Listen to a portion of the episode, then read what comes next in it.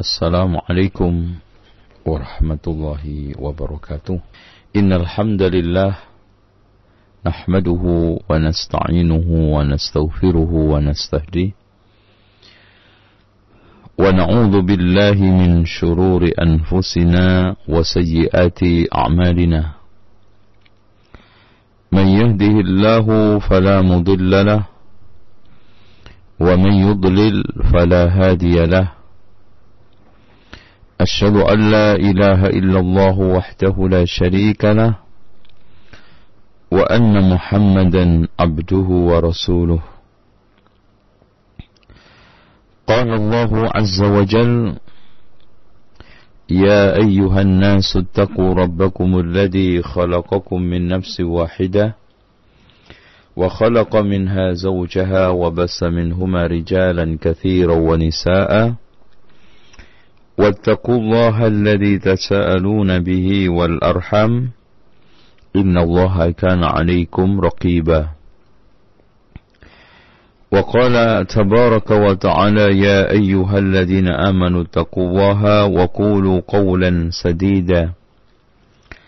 يصلح لكم أعمالكم ويغفر لكم ذنوبكم.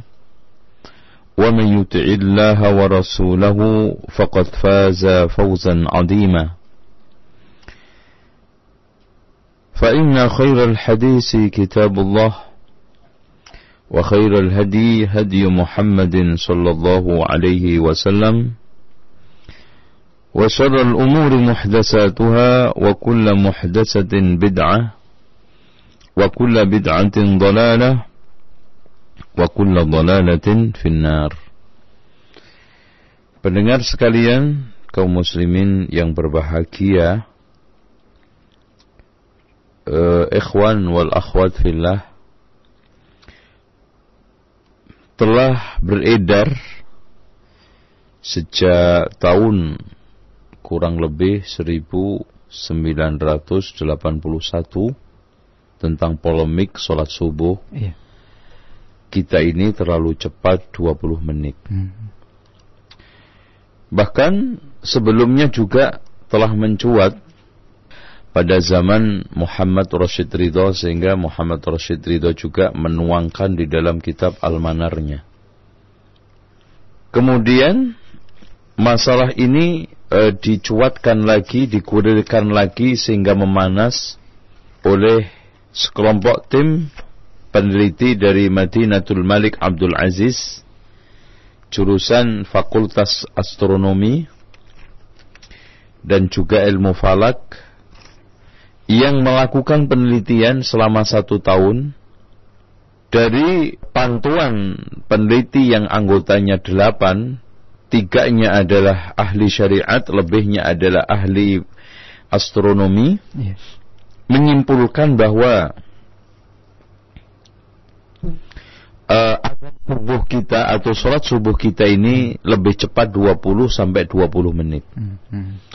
Atau gampangnya mereka menemukan hasil bahwa subuh itu baru masuk setelah matahari berada di bawah ufuk 15 derajat. Yeah. Ini uh, kesimpulan. Penelitian itu uh, diadakan selama beberapa bulan pemantauan dan sebetulnya uh, kalau kita lihat dia mengambil kesimpulan 15 itu juga hmm. terlalu uh, subjektif karena hasil pantauan pada hari Jumat tanggal 7 bulan 1 tahun 1425 Hijriah hmm. mereka menemukan atau alat menangkap cahaya ya di daerah kota rumah itu nampak 19 derajat hmm. sampai 1725 derajat itu sudah bisa ditangkap hmm. penelitian pada hari Berikutnya tanggal 20 eh maaf tanggal 12 bulan 2 1425 pemantauan eh, menghasilkan dan alat menangkap cahaya eh, bisa ditangkap uh, pada derajat 8,10 matahari di bawah ufuk. Kemudian pada tanggal 9 bulan 4 tahun 1425 ya, uh, penelitian menghasilkan bahwa dia menemukan cahaya e, berbentuk seperti e, melingkar, membulat itu pada posisi matahari e, 19,33 derajat di bawah ufuk. Pada tanggal 6 bulan 5 tahun 1425 penelitian menghasilkan menemukan semacam cahaya yang masih e, bulat itu matahari berada di bawah 18,52 di bawah ufuk. Disertai dengan ikhtifa'un nujum inda darajati ya, bintang ada bintang khusus yang menciriin uh, ciri tertentu ufuk timur itu tenggelam pada uh, posisi 18 eh, 17,17 derajat matahari di bawah ufuk. Kemudian eh, pada tanggal 6 bulan 6 1425 Hijriah penelitian me menemukan ya bahwa ada cahaya yang eh, memanjang ke atas itu pada derajat 21,35 derajat. Dan ini otomatis sebelum fajar kurang lebih 15 dakikah atau eh, menit. Pada tanggal 11 uh, eh, bulan 7 maka ditemukan ya uh, satu cahaya yang uh, ke atas ya tidak dijelaskan apakah posisinya ini uh, apa membentang atau meninggi. Intinya ini cahaya menyebar ke atas. Itu posisi matahari berada di di 20,29 di bawah ufuk. Pada tanggal 10 uh, eh, bulan 8 telah ditemukan cahaya di ufuk timur yang bentuknya uh, melintang ke atas pada posisi derajat 21,7. Dan pada tanggal 3 bulan 9 tahun 1925 ditemukan cahaya al-harami yaitu cahaya yang membentuk seperti uh, apa uh, piramid itu pada posisi matahari 20,5 di bawah ufuk. Dan pada tanggal 13 bulan 10 tahun 1925 ditemukan cahaya yang e, merata di ufuk pada e, ini posisi 14,5 derajat. Nah, ini hasil penelitian yang dilakukan oleh beberapa kelompok Eh, dari Fakultas Astronomi eh, dari eh, Madinatul atau Jami'atul Malik Ibn Abdul Aziz di Riyadh yang akhirnya mereka menyimpulkan seperti yang disimpulkan oleh standar uh, waktu yang dipakai oleh uh, ISNA yaitu uh, Islamic Society of North America yaitu uh, satu kelompok masyarakat muslim Amerika Utara. Yang mereka menetapkan bahwa subuh itu baru masuk matahari pada posisi 15 derajat di bawah ufuk. Jadi ini nampaknya diulang penelitian yang susah payah ini ternyata mengulangi hasil standar yang telah ditetapkan oleh ISNA tadi. Nah, nampaknya ada beberapa gelintir orang bukan seorang astronomi, bukan peneliti, bukan juga umara, bukan juga ulama, menggulirkan masalah yang besar ini. Oleh karena itu, saya berusaha di sini untuk menyampaikan hasil uh, penelitian para ulama dari mulai abad 9 Hijriah yang ketika diawali di Andalusia ya. sampai sekarang hasil penelitian rata-rata mereka itu antara 18 19. Nanti insya Allah kita akan sampaikan. Penelitian itu yang tadi uh, dilakukan oleh uh, Fakultas Astronomi yang di bawah pemantauan delapan, ula, delapan orang, uh, tiga dari uh, ulama syar'i, yang ketiga yang yang sisanya adalah ulama falaki atau astronomi menghasilkan suatu kesimpulan dilempar di masyarakat akhirnya menunai komentar para ulama di antaranya adalah Syekh Fauzan. Hmm. Maka di sini saya akan bacakan komentar Syekh Fauzan terhadap hasil penelitian tersebut. Beliau menulis sema, uh, sema, uh, apa makalah judulnya Wujubul Indibat fil Fatwa. Hmm. Wajibnya kita itu uh, disiplin di dalam berfatwa. Hmm. Jadi tidak asal lempar, tidak ada asal nyeplos, tidak asal sekarang digulirkan, ya. Hmm. Ya, katanya beliau fil fatratil qaribah pada saat-saat uh, dalam waktu-waktu uh, akhir-akhir ini nara ba'dhan nasi yubduna ara'ahum fi umurin laisa min sya'nihim. Kami lihat sebagian orang menampakkan pendapatnya, mengungkapkan pendapatnya di dalam masalah agama maksudnya. Hmm. Laisa min sya'nihim ibda' ar-ra'yi fiha. Bukan wewenangnya. Tidak pada tempatnya, tidak pas dia menyampaikan pendapat di dalam hal itu wa yushawwishuna 'alan nasi fi ibadatihim mereka membuat satu tashwish ya.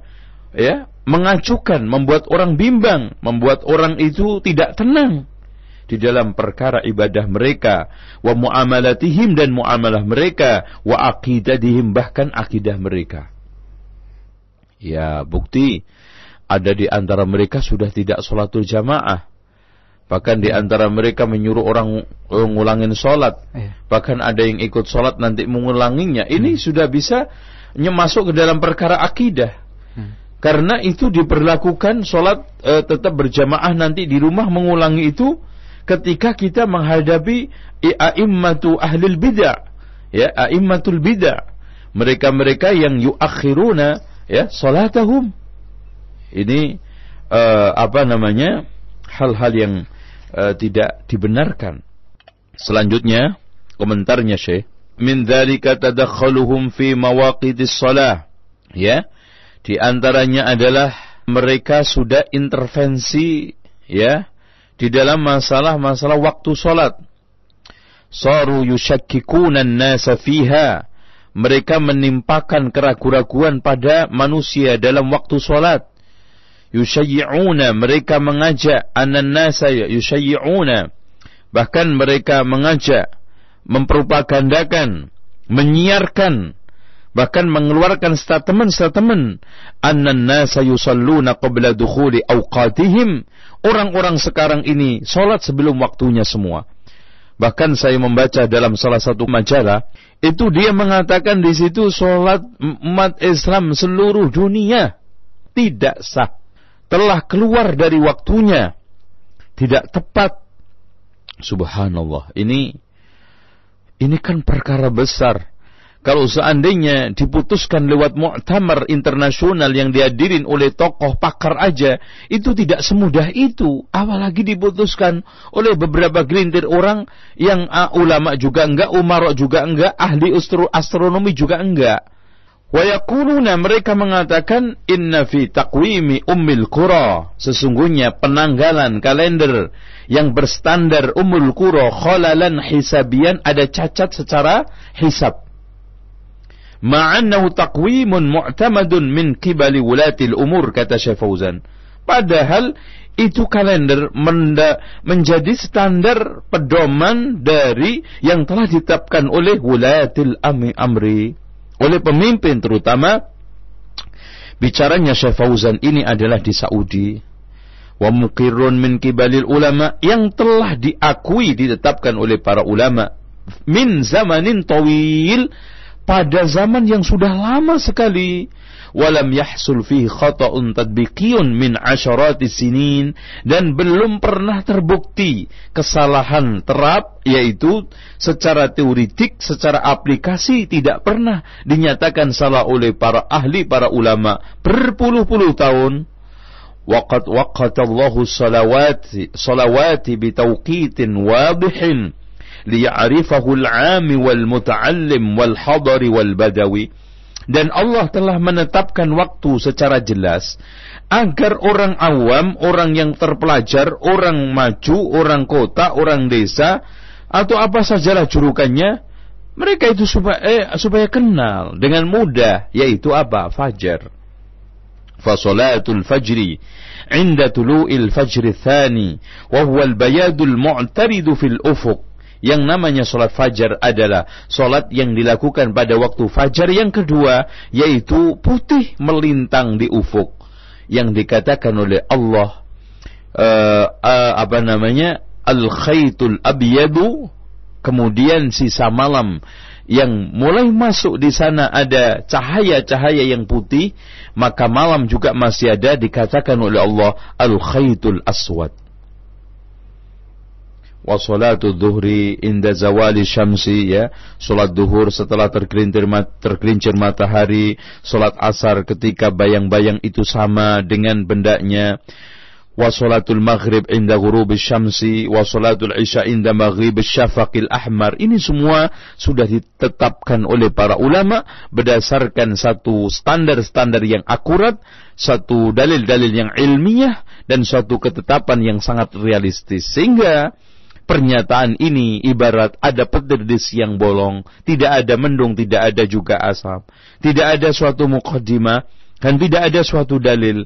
Itu dilemparkan menukil hanya secara taklidi, ya, mereka adalah mukallidun yang tidak memiliki dasar sama sekali pembenaran dari yang ditaklidi. Kalau begitu, ini mindah kebodohan kepada kebodohan, kesesatan kepada kesesatan, kebingungan kepada di, di dalam satu kebingungan dan tidak kalah pentingnya dijulukin oleh Syekh Fauzan Al-Musyakkikun, mereka ini adalah tukang menimpakan keraguan-raguan di tengah umat.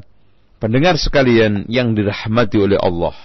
Begitu juga pada saat perkara ini digulirkan oleh Abdul Malik Al-Kulayb di, di Mesir, kemudian para ulama di Mesir juga eh, sekitar tahun 1981 terjadi polemik besar. Bahkan eh, apa syekh-syekh besar dari eh, dari Al Azhar itu turun termasuk Syekh Jadul Haq memberikan satu komentar eh, bahwa tauqid standar waktu yang telah ditetapkan oleh Mesir yang kurang lebih hampir 19 itu adalah sahih dan tidak ada perselisihan dan sesuai dengan penelitian dan cocok dengan ahli astronomi. Bahkan pada saat itu beberapa uh, apa namanya uh, mahasiswa senior di antaranya adalah Muhammad bin Ismail Al-Muqaddim, Syekh Ahmad Farid ya, yang punya kitab ya sangat bagus Tazkiyatun Nafas itu. Syekh Sayyid Al-Ghabbashi, Syekh Ahmad Al-Ghafur wa ghairuhum mereka semua keluar dengan mobil satu ke padang pasir untuk mengamati fajar sodik dan fajar kadib, menemukan satu kesimpulan bahwa standar waktu yang ditetapkan oleh Mesir selama ini tidak salah. Tuh. Nah, sekarang kita akan pelajari standar waktu yang berlaku di dunia ini, atau di dunia Islam itu ada lima ya standar waktu yang telah dipakai oleh dunia Islam ini ada lima. Pertama, inilah yang paling akurat, inilah yang paling masyhur, inilah yang paling banyak dipakai oleh umat Islam, yaitu standar Ummul Qura Makkah.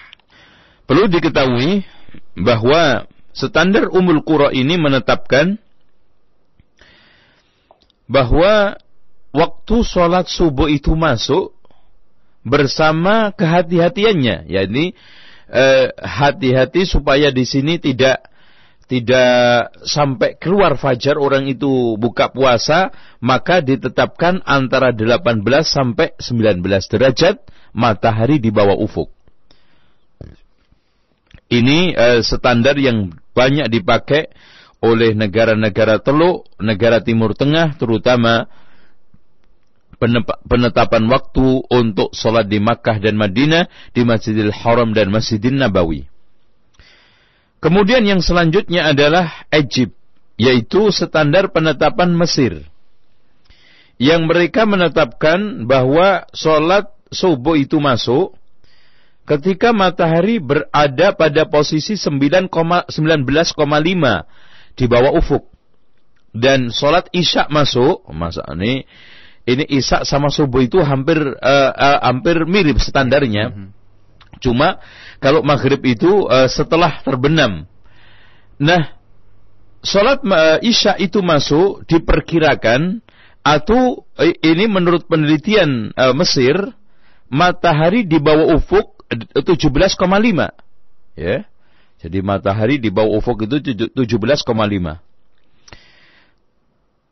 Dengan demikian eh, hampir mirip juga dengan standar Umul Qura ketika sholat subuh matahari di bawah ufuk eh, 18, Isya juga 17 kira-kira. Eh, Mesir juga begitu. Nah sekarang eh, di sana ada lagi yang dipakai oleh orang Pak ini Pakistan, India, Bangladesh, Afghanistan dan negara sekitarnya menggunakan standar Jamiatul Ulumul Islamiyah Karachi. Mesir ini Pakistan. Jadi Pakistan uh, atau universitas uh, teknologi yang ada di Pakistan menetapkan dan ini dipakai oleh negara-negara India sekitarnya, Pakistan, India, Bangladesh dan juga Afghanistan menetapkan bahwa subuh masuk matahari ketika berada di bawah ufuk 18 dan juga isak masuk ketika matahari di bawah ufuk 18. Jadi ini sangat simpel, subuh 18 kemudian eh, apa namanya? Eh, isak juga 18. Ini standar waktu yang ketiga. Adapun yang keempat, ini adalah standar yang dipakai oleh Al-Mustama'ul Muslim fi Shimali Afrika atau Islamic Society of North America yaitu Amerika Utara yang menetapkan standar Salat uh, subuh masuk ketika matahari di bawah ufuk 15, eh, begitu juga Isya masuk ketika matahari itu berada di bawah ufuk 15. Jadi ini nampaknya mereka membuat satu kesimpulan yang sekarang dipakai uh, oleh beberapa gelintir orang untuk mengacukan sholat kaum muslimin yang sudah berstandar baik yang sudah melalui penelitian berabad-abad bahkan sejak zaman uh, abad 9 Andalusia dan yang pertama kali menggulirkan adalah Al-Bairuni Al-Qurtubi bahwa salat subuh itu masuk ketika matahari di bawah ufuk 18 dan ini di, teruji dari zaman ke zaman dipakai tidak ada masalah. Bahkan pada waktu Daulah Utsmaniyah juga nggak ada masalah. Setelah itu Utsmaniyah rontok, negara Islam pecah-pecah. Ada Mesir, ada Hijaz, ada ini juga. Maka para ulama tidak pernah mempermasalahkan. Dengan demikian, siapa pun yang menegaskan, siapa pun yang mengatakan bahwa kaum muslimin sekarang ini solatnya lebih awal 20 sampai 25. Bahkan ada sebagian ini orang di Solo itu katanya mengatakan 40 menit. Masya Allah. E, kalau gitu 40 menit itu matahari sudah hampir tinggi. E, ternyata setelah itu ditarik lagi katanya salah. Nah inilah menunjukkan bahwa tidak ahli. Nah standar yang kelima inilah yang dipakai oleh Robitoh Al-Alamul Islami dengan standar will di mana ini menetapkan hampir sama matahari. Subuh itu masuk, matahari berada di bawah ufuk 18 derajat. Dan isya masuk, matahari di bawah ufuk 17. Jadi, kalau kita lihat dari standar-standar waktu yang dipakai oleh umat Islam, dari berbagai macam hasil penelitian dan lembaga, survei yang telah akurat, Baik itu tadi yang dipakai oleh Umul Qura, yang dipakai oleh Mesir, yang dipakai oleh Afgan ini India, yang dipakai oleh Rabita Alamul Islami, hampir kurang lebih tidak tidak mereset dari 18 19. Dan inilah mungkin ya, kalau sekarang mereset satu derajat sih bedanya mungkin dua menit, uh, empat men, uh, tiga menit, empat menit itu wajar. Kalau sampai 20-25 menit, ini jelas nggak wajar. Makanya di antara standar yang nyeleneh ini kan standar 15. Dan tolong dicamkan, uh, apa yang telah menjadi standar di Amerika di bawah ke Indonesia belum tentu cocok karena termasuk garis katulistiwa. Karena matahari atau penelitian yang dihasilkan di eh, katul eh, atau garis katulistiwa juga tidak bisa diterapkan di Eropa dan seterusnya.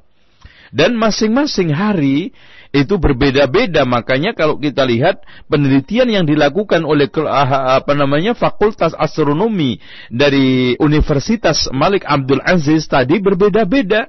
Sesekali menemukan cahaya pada 19, posisi 19 derajat di bawah ufuk, kadang 17, kadang 18, kadang eh, 14 bahkan berbeda-beda. Ini menunjukkan bahwa yang kita pakai patokan adalah yang telah berjalan berabad-abad teruji secara uh, realita, secara kultur dan juga dipakai oleh banyak umat dan juga telah diakui oleh ahli ul ahli agama yaitu ulama, umara dan juga ahli astronomi ilmu falak yang memang di dalam masalah ini matahari Allah Subhanahu wa taala tidak matok ru'yah karena Allah hanya mengatakan aqimis sholata liduluki syamsi untuk caranya untuk mendapatkan waktu-waktu tersebut Allah tidak memberikan satu ketetapan tertentu makanya dibolehkan menggunakan hisab dalam masalah ini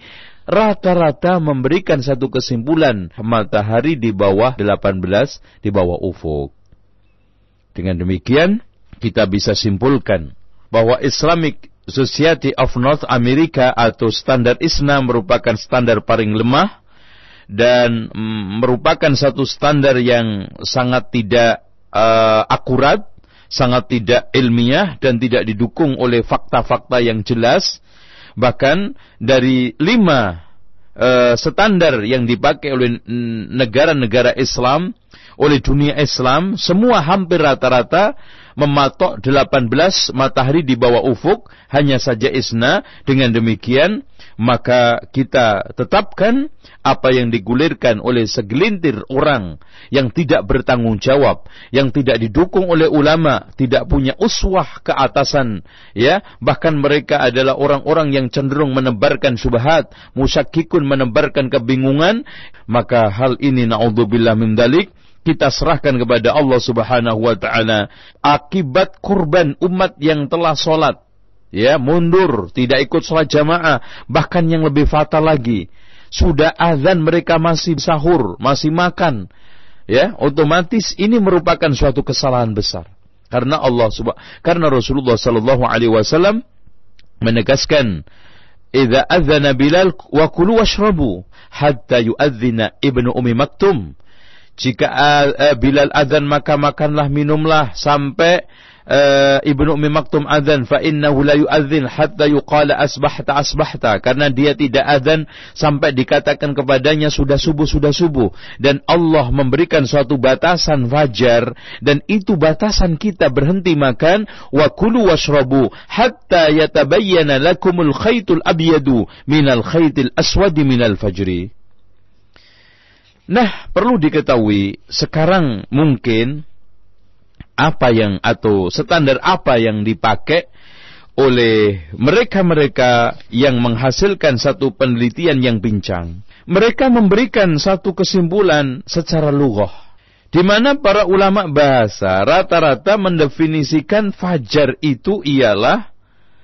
satu kondisi ya yang di, eh, di sini kita ambil ulama bahasa di antaranya Imam Ibnu Faris. Al-Fajr adalah infijaru dhulma subhi. Imam Al-Azhari mengatakan yuqalu subhi al-mustatir fajrun wa huwa wal mustatil kadhibun. Intinya dari beberapa kesimpulan ahli bahasa bahwa fajar adalah dhau'us sabahi wa huwa humratu syamsi fi sawadil laili. Padahal ini adalah definisi fajar secara umum. Fajar ialah. Tapi yang menjadi permasalahan kita sekarang ini adalah awal fajar. Bukan pembahasannya adalah fajar itu. Kita tidak ingkari bahwa fajar secara umum, secara utuh kita katakan fajar adalah menyebar ke kanan kiri ke atas agak sedikit kemerah-merahan, sedikit. Bahkan tidak nampak kadang-kadang merahnya. Karena tajamnya, karena banyaknya yang putih. Ini fajar secara umum. Tapi yang kita permasalahkan sekarang adalah awal fajar yang dikatakan oleh Allah minal fajri. Sekarang apa? Eh, bagaimana eh, definisinya, bentuknya?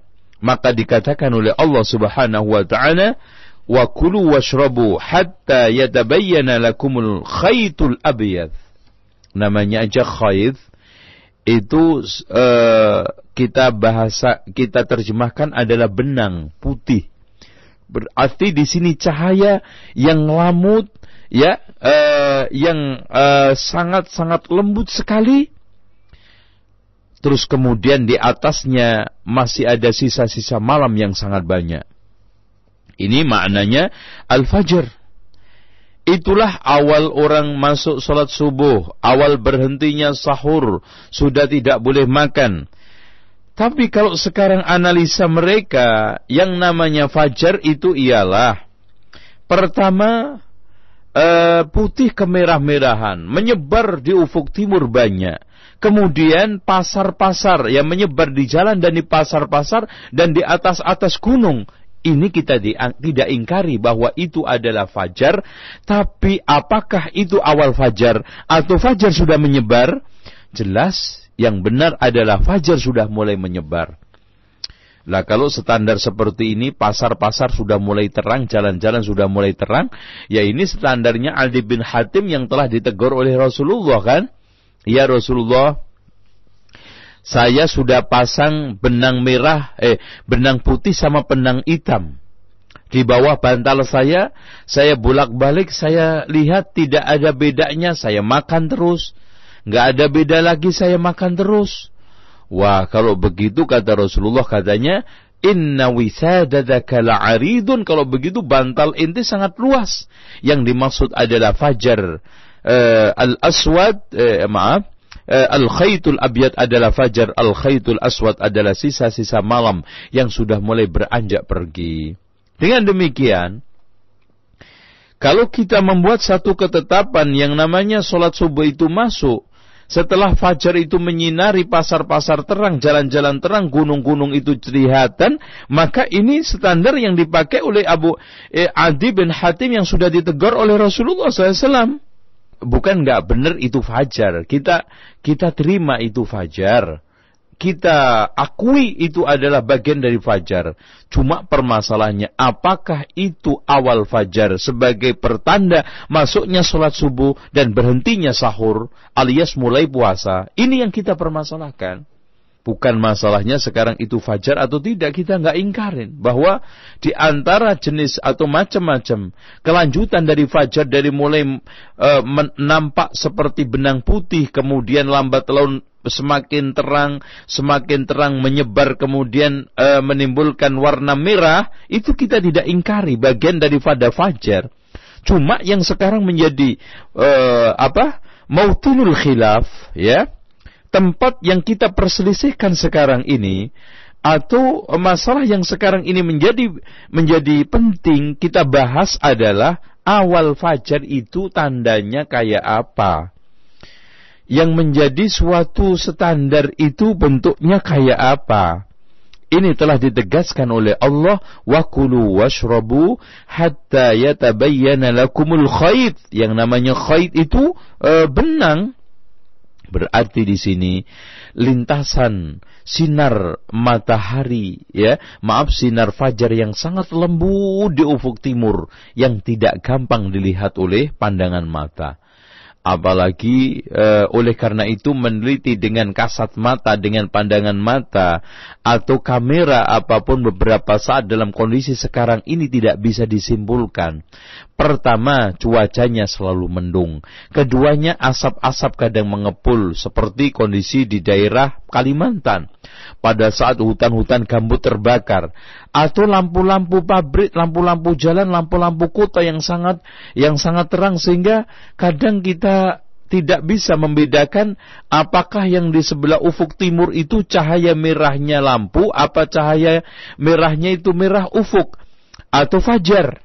Belum lagi ditambah cuaca yang mendung, yang hujan, yang tropis ya, kondisi negara atau daerah tropis ini mempengaruhi ketajaman daripada fajar itu sehingga tolong sekarang kalau kita lihat di zaman Rasulullah itu tidak semua orang ahli menetapkan ini. Makanya sampai uh, Rasulullah kenapa? Apa hikmahnya?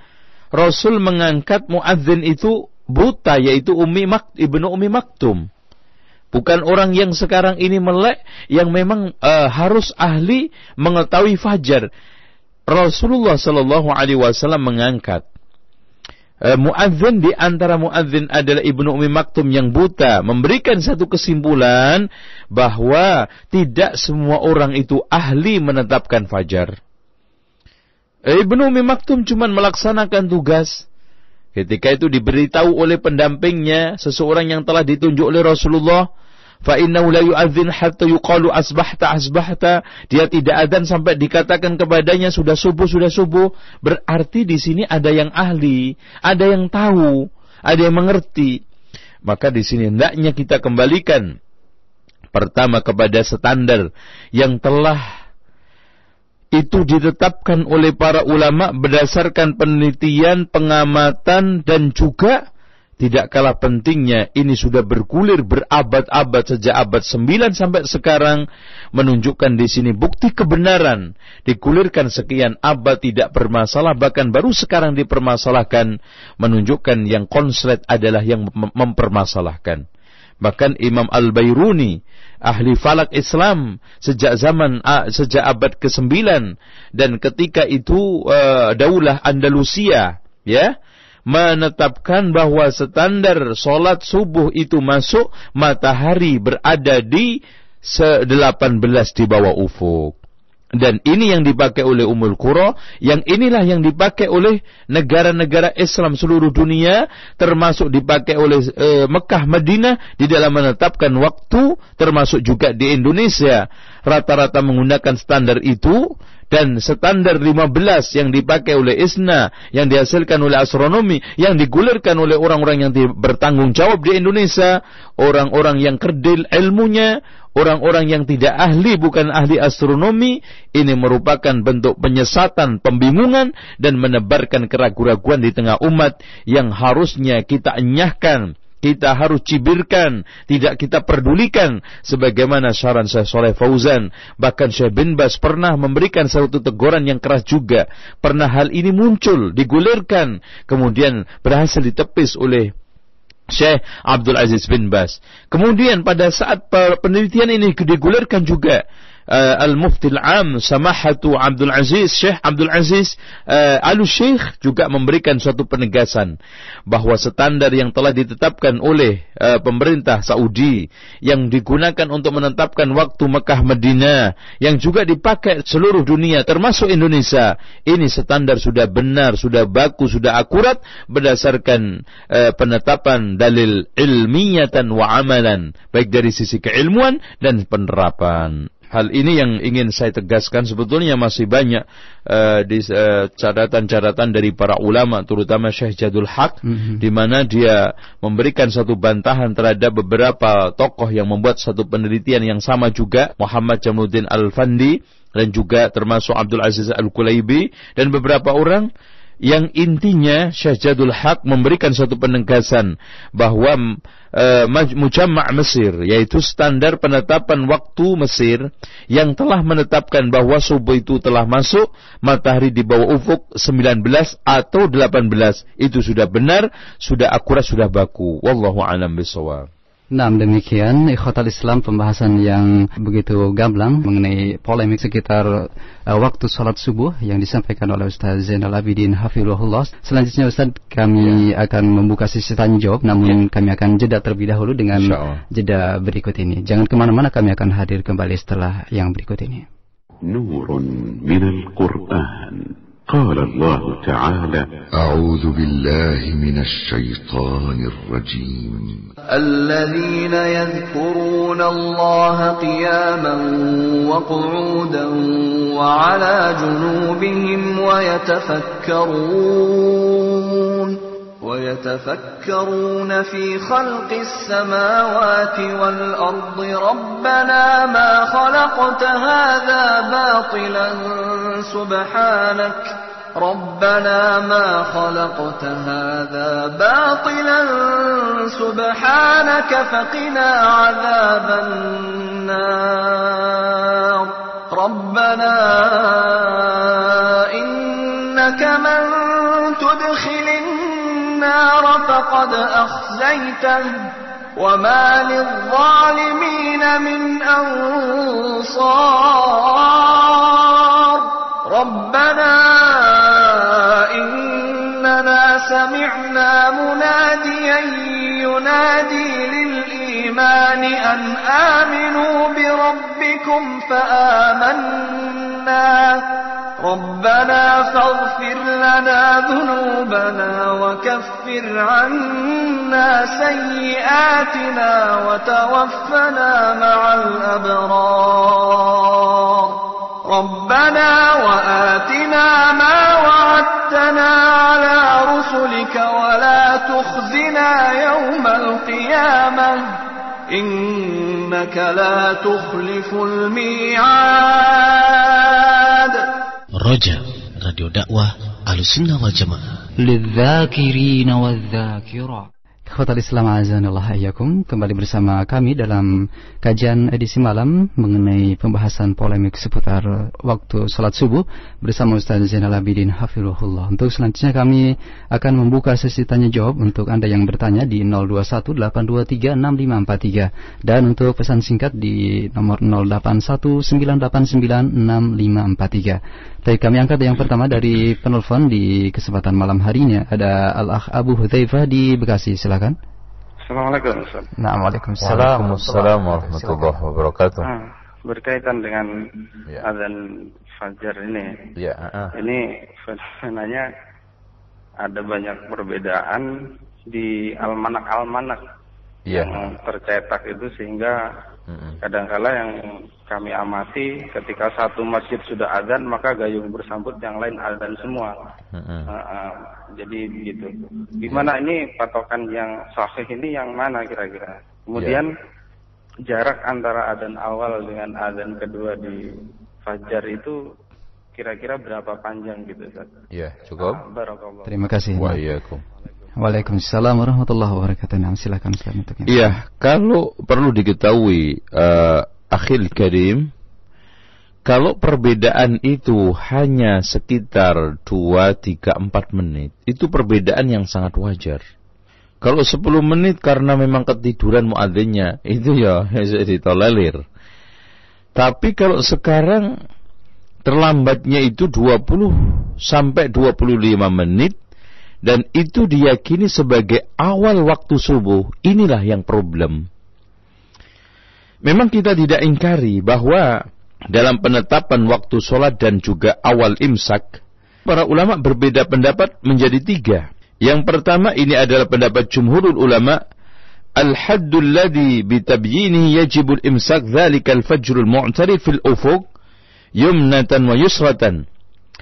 Jadi menurut uh, ulama, jumhurul ulama, bahwa batasan fajar yang membuat orang itu boleh sholat dan haram makan alias tidak boleh makan lagi bagi yang puasa, itu ketika sekarang ini fajar mu'tarid, yaitu fajar yang menyebar di ufuk. Sebagaimana yang telah ditetapkan di dalam hadis Rasul, La yugharannakum min sahurikum adhanu Bilal, kamu jangan terkecoh dengan azan Bilal, wala bayad al ufuk bayadul ufuk yaitu merahnya uf eh, maaf putihnya ufuk. Karena itu bukan fajar tapi hanya eh, apa al mustatil berarti kadzib hakadha kana yastatiru hakadha. Yang yang kata beliau yang namanya fajar sodik adalah yastatir bukan yastatil. Kalau yastatil itu memanjang ke atas tapi yastatir itu menyebar ke kanan kiri. Ya yumnatan wa yusratan jadi kanan kiri ini juga eh, apa namanya sebagai bentuk penjelasan dari firman Allah wa kulu washrabu hatta yatabayyana lakumul khaytul abyadu minal khaytil aswadi minal fajri.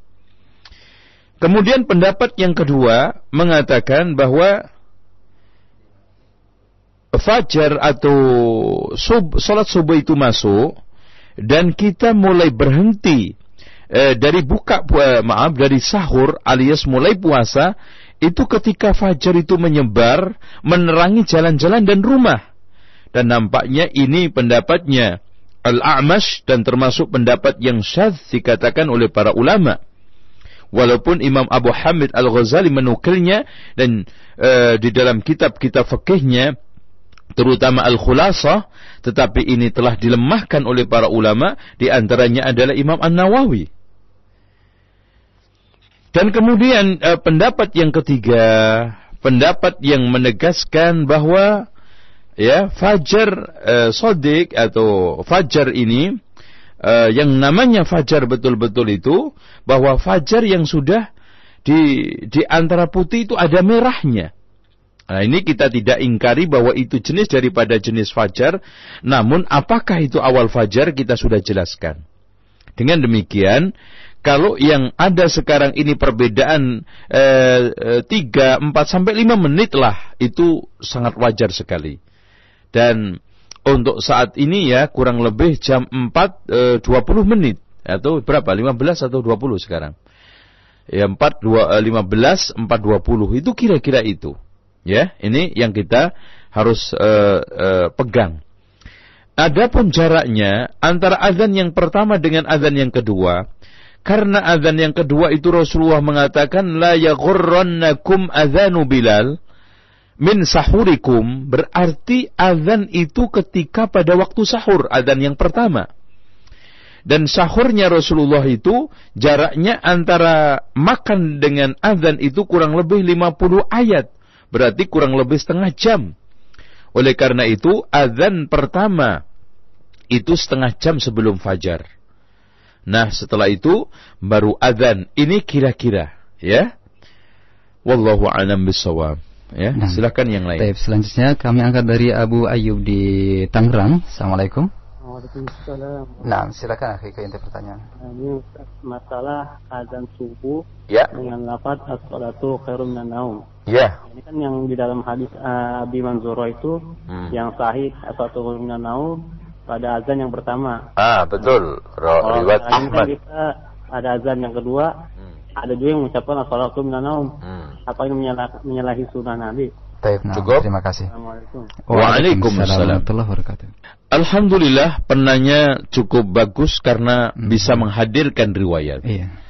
Dan hadis ini dinyatakan oleh Imam As-Sa'ati jayyidun, sanatnya jayyid. Sebagaimana yang ada di dalam kitab uh, apa? Fathur Rabbani fi Tartib Ahmad ibn Musnad Ahmad bin Hanbal yang menjadi permasalahan sekarang, azan pertama yang mana? Apakah azan pertama sebelum fajar ini?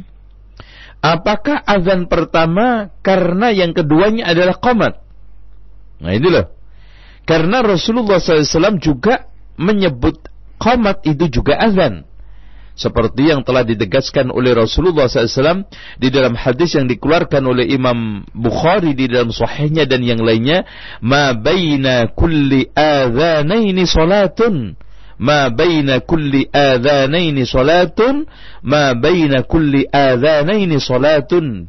Terakhirnya liman syaa di antara dua azan itu ada solat. Di antara dua azan itu ada solat. Di antara dua azan. Nah, yang dimaksud dua azan apa? Azan masuk, manggil solat. Manggil orang ke masjid. Azan yang kedua masuk solat yaitu komat. Berarti di sini kalau yang dimaksud azan yang pertama yang dimaksud adalah manggil orang untuk datang ke masjid untuk sholat, berarti di sini as-salatu khairum minan naum. Letaknya di situ. Dan azan keduanya adalah qomat uh, bukan diletakkan pada azan yang pertama sebelum fajar tadi. Ini menurut pendapat yang pertama. Yang menguatkan pendapat ini di antaranya adalah Syekh Abdul Aziz bin Bas dan yang lainnya. Adapun pendapat yang kedua, ya, Pendapat yang kedua yang mengatakan yang dimaksud azan yang pertama adalah azan pada waktu sahur ini. Berarti as-salatu khairum minan naum dibaca pada waktu azan pertama sahur dan azan ketika setelah fajar untuk memanggil orang hadir ke masjid itu tidak pakai as-salatu khairum minan naum. Namun wallahu alam bisawab. Di sini saya ingin memberikan satu penjelasan api. Perlu diketahui bahwa tidak ada ikhtilaf di antara para ulama tentang sunnahnya membaca as-salatu khairum minan naum. Karena hadisnya sahih. Cuma ikhtilafnya ulama itu dibaca di azan yang mana? Maka saya sarankan muadzin atau masjid mana saja yang tidak memberlakukan azan pertama sebelum fajar alias azan pada waktu sahur maka hendaknya membaca as-salatu khairum minan naum pada saat azan setelah terbit fajar ketika memanggil orang datang ke masjid. Kenapa? Kalau sekarang azan pertama enggak. Azan ketika masuk solat ini tidak dibaca juga as-salatu khairum minan naum.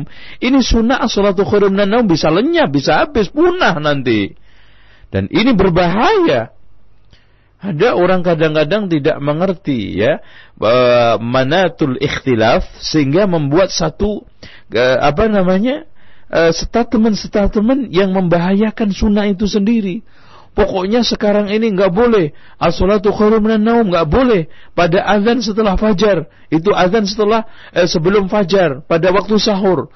Sekarang yang menjadi permasalahan masjid Anda sekarang azan nggak yang pertama itu. Yeah. Nah ini jadi masalah. Akhirnya apa? Nggak kebaca dua-duanya. Mm -hmm. Akhirnya sunnah ini punah. Dan inilah termasuk sunnah-sunnah yang sudah mulai ditinggalkan akhirnya dengan demikian, saya nasihatkan kepada muadzin, kepada yang sahibul atau di KM masjid untuk mewaspadai, untuk hati-hati, untuk menjagai, memelihara dan juga sangat-sangat uh, apa tidak tergesa-gesa di dalam uh, apa namanya menyelesaikan masalah ini. Intinya as-salatu khairum minan itu sunnah, cuma letaknya di mana wallahu alam bisawab Uh, menurut pendapat yang sahih yang kuat itu azan setelah terbit fajar nah. yaitu setelah orang-orang diundang datang ke masjid untuk sholat dan azan yang keduanya adalah qomat karena Rasulullah menamakan dua-duanya azan wallahu a'lam. Baik. Selanjutnya kami angkat dari penelpon kembali untuk yang ketiga ada Bapak Anuzul di Bekasi. Assalamualaikum Bapak. Waalaikumsalam warahmatullahi Nah, silakan Bapak langsung dengan Ustaz. Ya. Assalamualaikum Waalaikumsalam warahmatullahi wabarakatuh. Fadal ya, akhi. Uh, gini Pak Zat, mm -hmm. mengenai penetapan waktu ini ya. Iya iya. Ini sebenarnya kan wewenang apa termasuk wewenang ulil amri itu. Oh iya betul, iya. Nah, ini iya. terus sekarang dasarnya apa? Mereka ini kok mengkampanyekan, hmm. bahkan saya apa baca itu besar-besaran, bahkan hmm. ada safari Fajar Sodik atau apa itu. Oh iya, masya Allah ada. Iya, iya. Emang betul melakukan safari fajar sodik. Nah, ini hmm. maksudnya kan terus kok apa dia kalaupun dia itu meyakini itu kebenaran apa enggak dia sebagusnya dia konsul dulu ke yang Nah, itu kalau ahli sunnah. Nah, itu menimbulkan permasalahan yang begitu hebat ini. Betul, nah, betul. Ini, nah, terus jadi kan ini sekarang membingungkan orang. Mm -hmm. Nah, ini bagaimana ini Pak Ustadz kira-kira ini kan supaya jangan terulang lagi terus iya, betul. ini supaya ini nih ya kalaupun dia itu benar hmm. itu pun juga nggak bisa langsung di uh, gulirkan apalagi dikampanyekan gitu kan betul betul dia mau penangnya itu apa gitu iya betul ya mungkin kita nah, terima ya. kasih Bapak Nuzul nah. ya. Perlu diketahui bahwa Rasulullah SAW mengatakan as-saumu yauma tasumun wal fitru yauma tuftirun wal adha yauma tudahun puasa bersama kalian puasa dan berbuka bersama kalian berbuka Idul Fitri dan beridul Adha bersama kalian Idul Adha. Hadis ini uh, hadis sahih yang diriwayatkan oleh Imam At-Tirmidzi dan yang lainnya memberikan suatu pengarahan dan bimbingan bahwa masalah yang terkait dengan syiar-syiar kolektif itu kita harus serahkan kepada ulil amri Masalah puasa adalah syiar kolektif. Masalah uh, apa namanya Idul Fitri adalah syiar kolektif. Idul Adha adalah syiar kolektif. Termasuk solat adalah syiar kolektif. Karena itu terkait dengan azan yang merupakan syiar bersama. Solat jamaah syiar bersama. Kalau seandainya itu benar. Ini kan ada negara yang berwenang. Di sana ada depak minimal, di sana ada mui. Mungkin bisa dikonsultasikan bahkan di sana ada ahli Menko Info. Kita konsultasikan ke sana, mereka punya alat, mereka lengkap dengan ahlinya, dengan stafnya. Kalau di sana didiskusikan, kemudian ada semacam surat menyurat, ada polemik yang ilmiah, yang dingin, yang bagus. Kemudian setelah itu terjadilah kesimpulan, ternyata yang benar adalah mereka. Gimana ini Pak Depak, gimana Pak Mui, gimana Pak Menko Info? Masalah ini kan masalah umat tidak bisa dibiarkan. Oh ya, ini nanti kita akan tindak lanjutin pasti. Karena dalam masalah ini tidak bisa dipolitisir dan politikus ma macam apa yang bisa memanfaatkan hal ini nggak dapat apa-apa. Ini murni adalah kepentingan umat. Orang ingin sholat benar, ingin masuk surga sesuai dengan apa yang dikatakan oleh Rasulullah SAW eh, ketika ditanya ya Rasulullah sholat yang paling amal yang paling utama apa? Sholatu fi awal Sholat di awal waktunya dalam satu lafat lain. Dalam lafat yang turunkan oleh Imam Bukhari adalah as-salatu fi waktiha. Dengan demikian, ini merupakan suatu gerakan-gerakan yang tidak menyedapkan dan tidak dibenarkan dari sisi manhaj. Makanya dikatakan oleh Ibn Saleh Fauzan, menyelisihi ibadah mereka, muamalah mereka merusak juga akidah mereka. Ini rusak kan? Wallahu a'lam bissawab. Tapi Ustaz, selanjutnya eh, pertanyaan eh, yang datang dari pesan singkat yang sudah begitu banyak masuk Ustaz. Iya, iya. Dari eh, pendengar kita, Ustaz di dalam Al-Qur'anul Karim surat An-Nisa 103 uh, Allah berfirman inna salata kanat alal mu'minina kitaban mauquta. Yeah. Nah, uh, berdasarkan ayat inilah maka uh, ya ada semacam koreksi dari uh, majalah mungkin yang Ustaz maksud hmm. untuk menjaga agar salat kaum muslimin itu diterima oleh Allah Subhanahu wa taala. Yeah. Nah, kemudian juga di dalamnya terdapat fatwa-fatwa para ulama yang membenarkan ataupun menjadi rujukan. Uh, bagaimana Ustaz menghadapi polemik yang memang hal ini merupakan sesuatu yang uh, penting tapi juga akan menimbulkan polemik dan uh, bibit perpecahan jazakallah. Iya. Uh, perlu diketahui bahwa kita tidak ingkari. Memang di sini ada kurang lebih delapan ulama yang dipakai ucapannya, tetapi ternyata setelah dipedar dan dikulitin dan juga dikupas oleh Profesor Dr. Ibrahim bin Muhammad Al Ubaidi di dalam kitabnya Tulu'ul Fajr Sadiq, uh, ternyata diplentir contoh aja ketika mereka mengungkapkan fatwanya Syekh Albani, Syekh Albani kan mengatakan di situ pengamatan saya, desa saya. Iya. Syekh Albani di sini memberikan satu penegasan. Saya baca ya, mereka memakai uh, juga Syekh Muhammad ibnu Shalal Utsaimin. Nah, iya. Tetapi Syekh Muhammad ibnu Shalal Utsaimin di tempat lain mengatakan dengan tegas ya, ba'dun nasil an yushakkikuna fit taqwimil mawjud baina aidin nas, no kan? Mm-hmm. Jadi sebagian orang sekarang membuat keraguan-raguan di dalam penanggulangan atau penetapan waktu yang ada di tengah manusia. Yaquluna innahu mutaqaddimun ala tulu'il fajri. Lebih dahulu eh, sebelum terbit fajar waqad kharajna ilal bar. Padahal setelah kita buktikan kita keluar ke apa namanya? Eh, ke tanah lapang lana anwarun wa ra'ayna al-fajr yata'akhkhar hatta balagha ba'dum wa qala yata'akhkhar thuluth sa'at. Bahkan di antara mereka mengatakan bahwa terlambat eh, sepertiga jam berarti di sini kurang lebih 20 25 menit. Iya. Walakin al-zahir anna hadha mubalaghatun la tasih. Bahkan zahir ini merupakan satu sikap berlebihan yang tidak sahih. Walladhi narahu anna taqwim الذي بين aidin الناس الآن ya yang kita lihat sekarang takwim atau penanggalan penetapan waktu yang ada di tangan manusia sekarang ini lebih dahulu lima menit fil fajri khasatan dalam masalah fajar. lima menit dan itu wajar. Mhm. Dan juga ucapan Syekh Albani yang dipenggal-penggal. Saya ingin sampaikan Eh, Syekh Al-Bani mengatakan waqad ra'aitu bi nafsi miraran min dari min Jabali Hamlan. Saya melakukan pengamatan berkali-kali dari rumah saya di Gunung Hamalan. Janub Syarak Oman, ya, di timur Oman. Wa makana lidzalika min at-ta'aqqub min sihhati ma dzakara ba'dul ghayyurin. Ya. Ternyata saya mendapatkan satu kesimpulan bahwa keabsahan sebagian orang-orang yang memiliki ghirah ala tashih ibadatil muslimin ingin meluruskan ibadah kaum muslimin anna adzan al-fajr fi ba'dil biladil arabiyah fi ba'dil. Yeah. Nah, ini yang harus kita tegasin.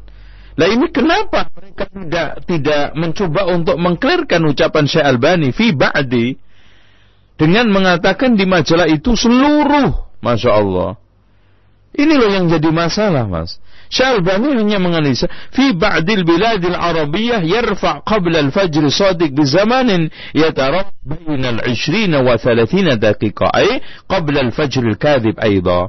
وكثيرا ما سمعت إقامة صلاة الفجر من بعد المساجد بعد طلوع الفجر صادق tapi Saya dengar koma akhirnya. Nah itu dia. Waktu man sami'tu iqamata salatil fajr min ba'dil masajid ma'a tulu'il fajr sadiq wa hum yu'adzinuna qablaha binahwi nisfi sa'ah Jadi namun kebanyakan komatnya itu sudah pas masuknya. Jadi azannya aja yang di luar waktu ada itu rata-rata sudah mulai masuk waktu. Berarti di sini juga sahkan karena di dalam eh, eh, Imam Nawawi menegaskan eh, menyimpulkan hadis adan eh, Bilal sama Ibnu Umi Maktum bahwa Bilal itu menunjukkan bolehnya azan sebelum fajar terbit. Ini khusus sholat subuh.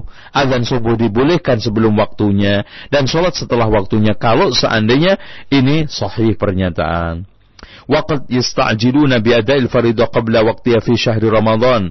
Kadang-kadang mereka eh, tergesa-gesa di dalam menunaikan salat fardu pada waktu Ramadan. Wa fi dzalika tadiqu 'ala an-nas bi ta'jil bil imsak 'ani ta'am. Sehingga di sini akhirnya eh, apa namanya membuat orang tergesa-gesa imsak wa ta'ridun li salatil fajri lil butlan dan memberikan peluang. Nah ini peluang salat fajar itu batal.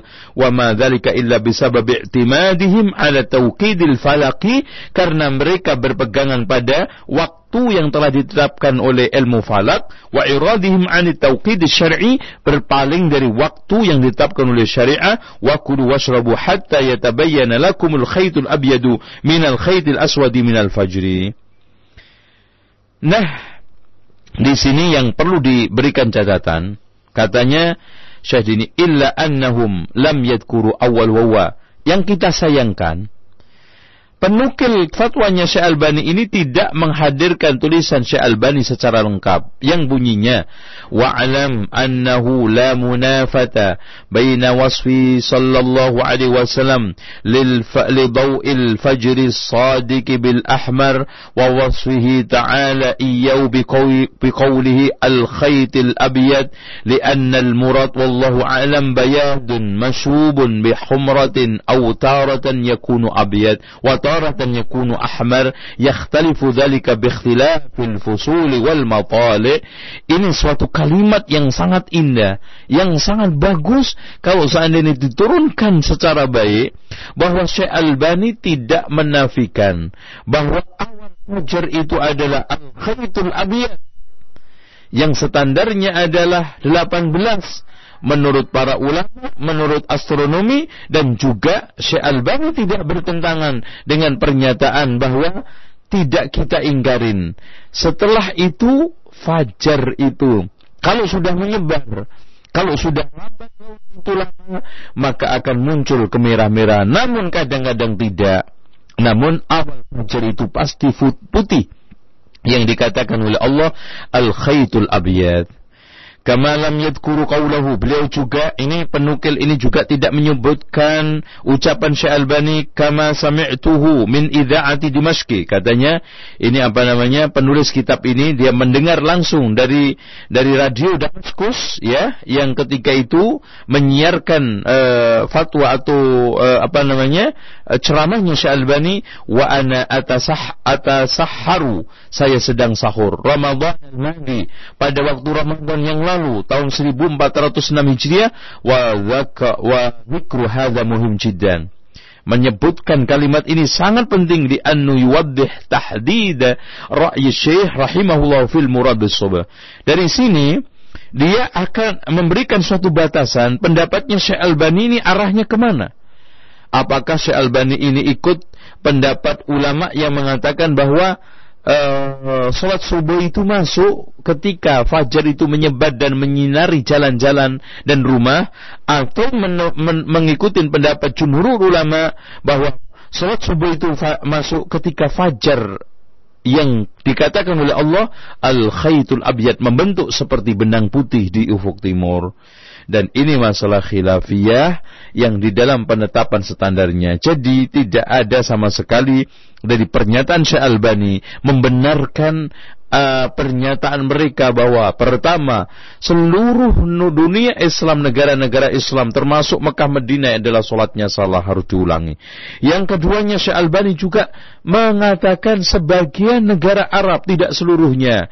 Dan ini jelas melintir. Dan pada kesempatan lain juga Syekh Albani tidak mem, tidak tidak ada perbedaan di antara jumhur ulama bahwa uh, fajar itu adalah standarnya adalah al khaitul abiyah yang terkadang-kadang ada kemerah-merahan tapi merah itu tidak seperti yang kita ketahui uh, di dengan mata telanjang ya.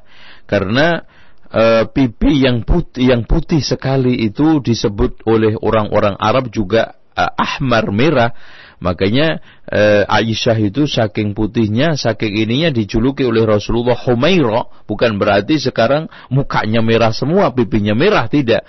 Humaira itu saking putihnya, namun di sini ada lamat-lamat merahnya dikit. Itu dengan demikian itulah ungkapan uh, kalau ada yang mengungkapkan bahwa fajar itu adalah nampak putih yang kemerah-merahan. Wallahu a'lam bishawab. Baik. Selanjutnya masih dari pesan singkat ada pertanyaan dari Bapak Abu Rizki dan beberapa pertanyaan yang lainnya yang hampir sama Ustaz. Hmm. Ustaz eh, nasihat apakah yang terbaik untuk eh, kaum muslimin yang karena polemik ini terjadilah berbagai fitnah dan bahkan mungkin ada beberapa kekakuan yang eh, terjadi di eh, kalangan ikhwah dan eh, terhadap masyarakatnya. Demikian hmm. Ustaz. Bagaimanakah nasihatnya agar tidak terjadi uh, yeah. fitnah yang lebih besar Ustaz? Pertama, wahai saudaraku yang masih talibul ilmi, apalagi awam. Anda punya ulama. Anda punya panutan. Dan di dalam beragama ini kan dibut landasan beragama itu ada dua. Al-ittiba wal-iqtida. Al-ittiba al-kitab wa sunnah. Ittiba'ul kitab wa sunnah. Iqtiba, iqtida. Panutan kita siapa? Ikut siapa kita? Ada ulama. Alhamdulillah dari zaman ke zaman Allah tidak pernah memunahkan ulama. Bahkan Rasulullah SAW mengatakan yahmilu hadzal ilma min kulli khalafin uduluhu yanfuna anhu tahrif al-ghalin wa wantihal al-mubtilin wa ta'wil al-jahilin. Berarti setiap zaman ini ada ulama, ikutin mereka. Ya, di sana ada Syekh Fauzan. Sekarang saya tanya sekarang, mana yang lebih kapabel, mana yang lebih fiqah. Di samping kita bukan hanya sekedar melihat sosok, tetapi kita melihat akurasi dalil yang dihadirkan. Belum lagi ahli astronomi yang lebih banyak dari zaman ke zaman. Coba ada Al-Bairuni dan juga ulama-ulama Al-Azhar, Syajadul Haq, kemudian juga lajnah eh, Hay'ah Kibar Ulama dari mulai Syekh Abdul Aziz bin Bas, kemudian Syekh Abdul Aziz Al-Syekh dan juga ulama-ulama sekarang. Bahkan di sini juga ada ahli eh, di, di dari Menko Info, dari Depak, dari MUI, semuanya menyatakan nggak ada masalah. Lalu ini coba bayangkan, segelintir, masa mengalahkan sekian orang ahli yang mereka nggak ahli mas. Sekarang kita berpikir simpel aja. Qul, haz, qul hal yastawil ladina ya'lamuna wal ladina la ya'lamun. Katakan Muhammad, sama nggak orang yang tahu dengan orang yang nggak tahu? Orang yang tahu ahli astronomi, ahli falak, dan ilmunya lebih banyak dengan mereka yang sekarang hanya bolak-balik kertas majalah tiap hari. yang hanya mondar-mandir ke percetakan. Kadang-kadang mungkin sablonnya kurang atau mungkin filenya hilang. Ya, dengan demikian mereka sama sekali tidak memenuhi kualifikasi sama sekali. Dengan demikian kita mari rujuk kepada Alkitab wa Sunnah ala fahmi salafus salih. Kemudian iltifaf haulal ulama. Kita kembalikan ya. Eh, kan eh, sudah ditegaskan oleh Allah Subhanahu wa taala bahwa ketika kita kembalikan ya kepada mereka para ulama ya walau radduhum ila ulil amri minhum la'alimahu alladhina yastanbidunahu minhum kalau mereka itu masalah-masalah yang mereka hadapi, mereka kembalikan kepada ulil amri yang dimaksudkan oleh Imam Syafi'i adalah ulama nomor satu, yang kedua adalah umara, maka mereka akan mengetahui hasil istimbat istihad yang mereka dapatkan. Bukan bikin sendiri-sendiri, ngeluarin fatwa sendiri-sendiri, mutusin sendiri-sendiri. Dan nanti akhirnya yang terjadi adalah fitnah, yang terjadi adalah kekacauan, bukan keamanan, bukan ketentraman dan bukan kekhusyuan dalam sholat. Coba sekarang anak tanya, orang-orang yang mengikuti petuah ini, apakah sholatnya sekarang semakin baik? atau semakin pecah, semakin keruh hatinya, punya lawan baru dengan masyarakat, bahkan subhanallah di antara mereka memberikan suatu image yang jelek kepada masyarakat bahwa mereka sudah enggak sholat. Wallahu alam bisawab. Baik, selanjutnya kami akan dari pertanyaan penelpon kembali. Ada Pak Wawan di Bekasi kembali. Assalamualaikum. Waalaikumsalam. Ya, silakan Pak Wawan. Waalaikumsalam. Waalaikumsalam warahmatullah. Uh, menanggapi yang masalah polemik masalah uh, waktu uh, uh, waktu subuh itu kalau kita ambil jalan tengahnya gimana? Iya, kalau contohnya jalan tengah gimana ceritanya? Batas waktu fajar jam berapa, batas akhir sholat subuh jam berapa, hmm. diambil jalan tengahnya. Tengahnya di mana? Ya, di tengah di antara waktu itu Pak ya. Halo? Halo? Halo Bapak. Halo ya. Ya, suaranya agak geresek ya Pak. Berarti Bapak ambil jalan tengah berarti sholat subuhnya kurang lebih jam lim, setengah enam gitu? Ah, setengah enam. Pada waktu langit tidak apa itu berubah warna yang agak biru kan kalau saya perhatikan kalau pagi. Halo? Iya. Melihatnya di mana Bapak? Langsung di luar rumah Bapak iya, begitu? Di, di luar. Iya, Bekasi?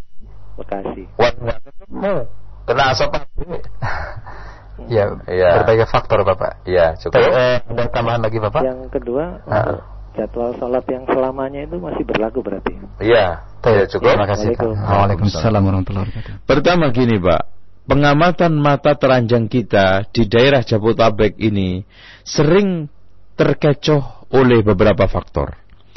Pertama, suasana Jabotabek yang serba lampu ini memberikan kesulitan sendiri untuk mengamati fajar secara benar. Kemudian asap-asap pabrik, lalu cuaca yang sering mendung, dan juga daerah tropis dan yang lainnya memberikan pengamatan kita tidak mendapatkan hasil seperti yang dikatakan oleh Allah wa hatta yatabayyana lakumul khaytul abyad. Pernah nggak Bapak mendapatkan khayt al-abiyad, ya, benang putih di ufuk timur? Jelas ini merupakan suatu hal yang sulit. Tidak bisa dengan mudah kita dapatkan. Kita tidak ingkari Bapak mendapatkan fajar. Tapi apakah itu yang Bapak dapatkan awal fajar atau fajar sudah mulai beranjak menyebar sudah lama sejak tadi sebetulnya yeah. menyebar ini nongol tapi Bapak baru dapat sekarang. Hmm. Karena di sini posisi kemudian ketajaman mata, daerah, cuaca hmm. sangat mempengaruhi faktor, faktor. Hmm. Makanya kadang-kadang kata para ulama tadi nongol merah, kadang enggak, kadang-kadang masih gelap dan yang lainnya.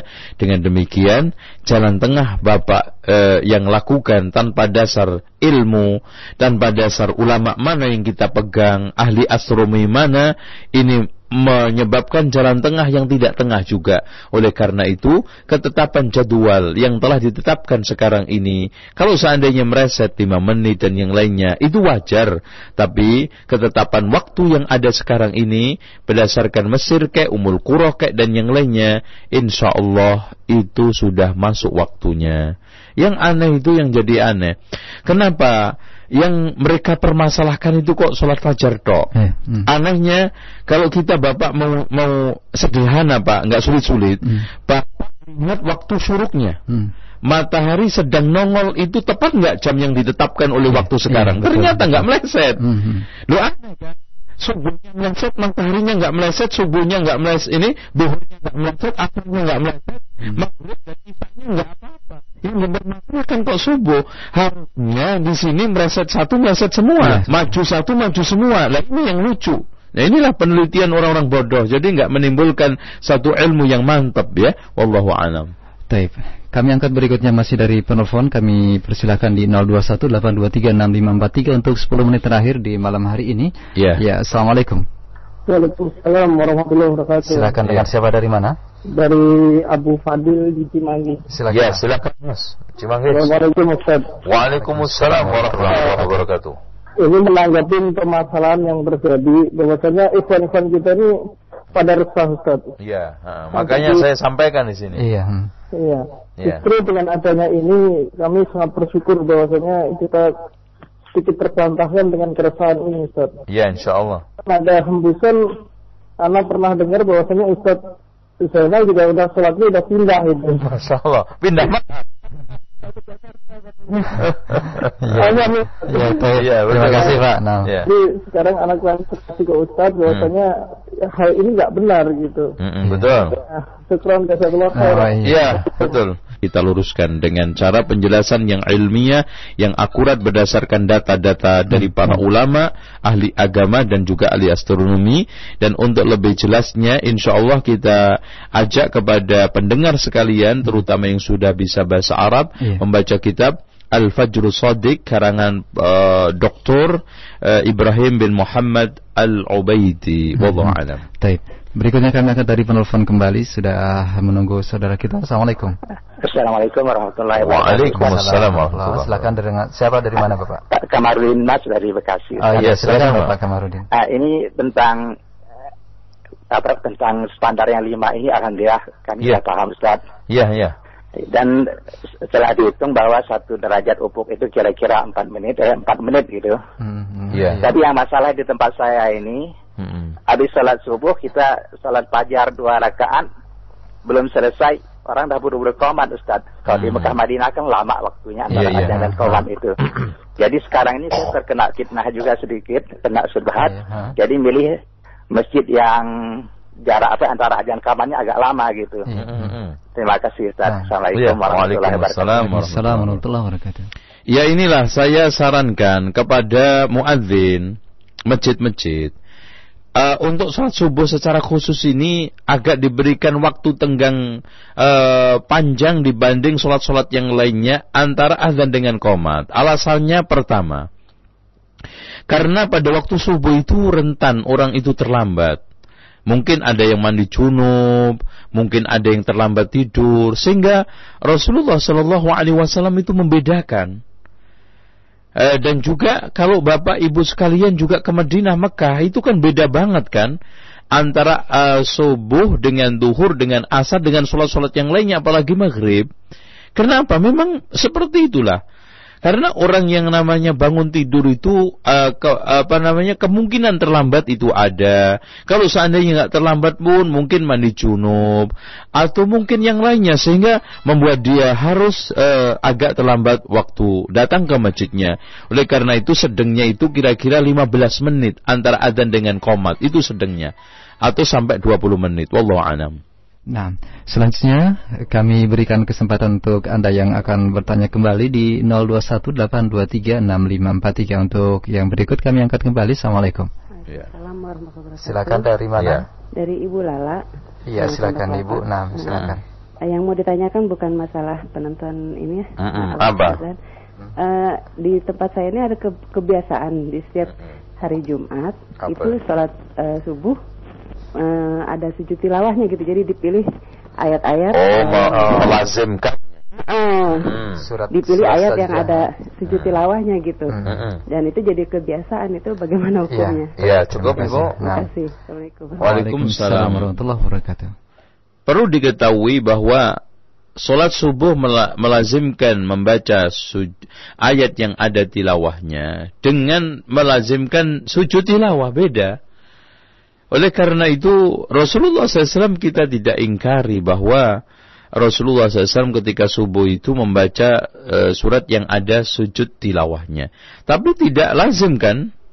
Ya, bisa aja ayat itu nggak kebaca. Bahkan Umar bin Khattab sesekali waktu membaca uh, ayat yang ada tilawahnya sujud tilawah, sesekali waktu dia tidak melakukan sujud tilawah. Dan setelah itu dia mengatakan, saya sengaja lakukan ini agar orang tidak menganggap ini merupakan suatu kelaziman. Oleh karena itu, ini merupakan suatu kesalahan dan kalau dilazimkan bisa masuk ke dalam kebid'ahan. Wallahu a'lam bishawab. Taib, uh, kami angkat dari penelpon kembali untuk berikutnya. Assalamualaikum. Assalamualaikum. Ya, silakan dari mana Ibu? Uh, ini dari Vilanusa Indah. Ya, uh, maaf, uh, iya. ini kan waktu ada majalah itu uh, saya sempat baca. Mm -hmm. Kemudian uh, saya uh, sempat uh, melihat uh, di uh, atas rumah saya itu ya jam-jam itu uh, terlihat benang putih yang itu memang setelah adzan subuh. Hmm.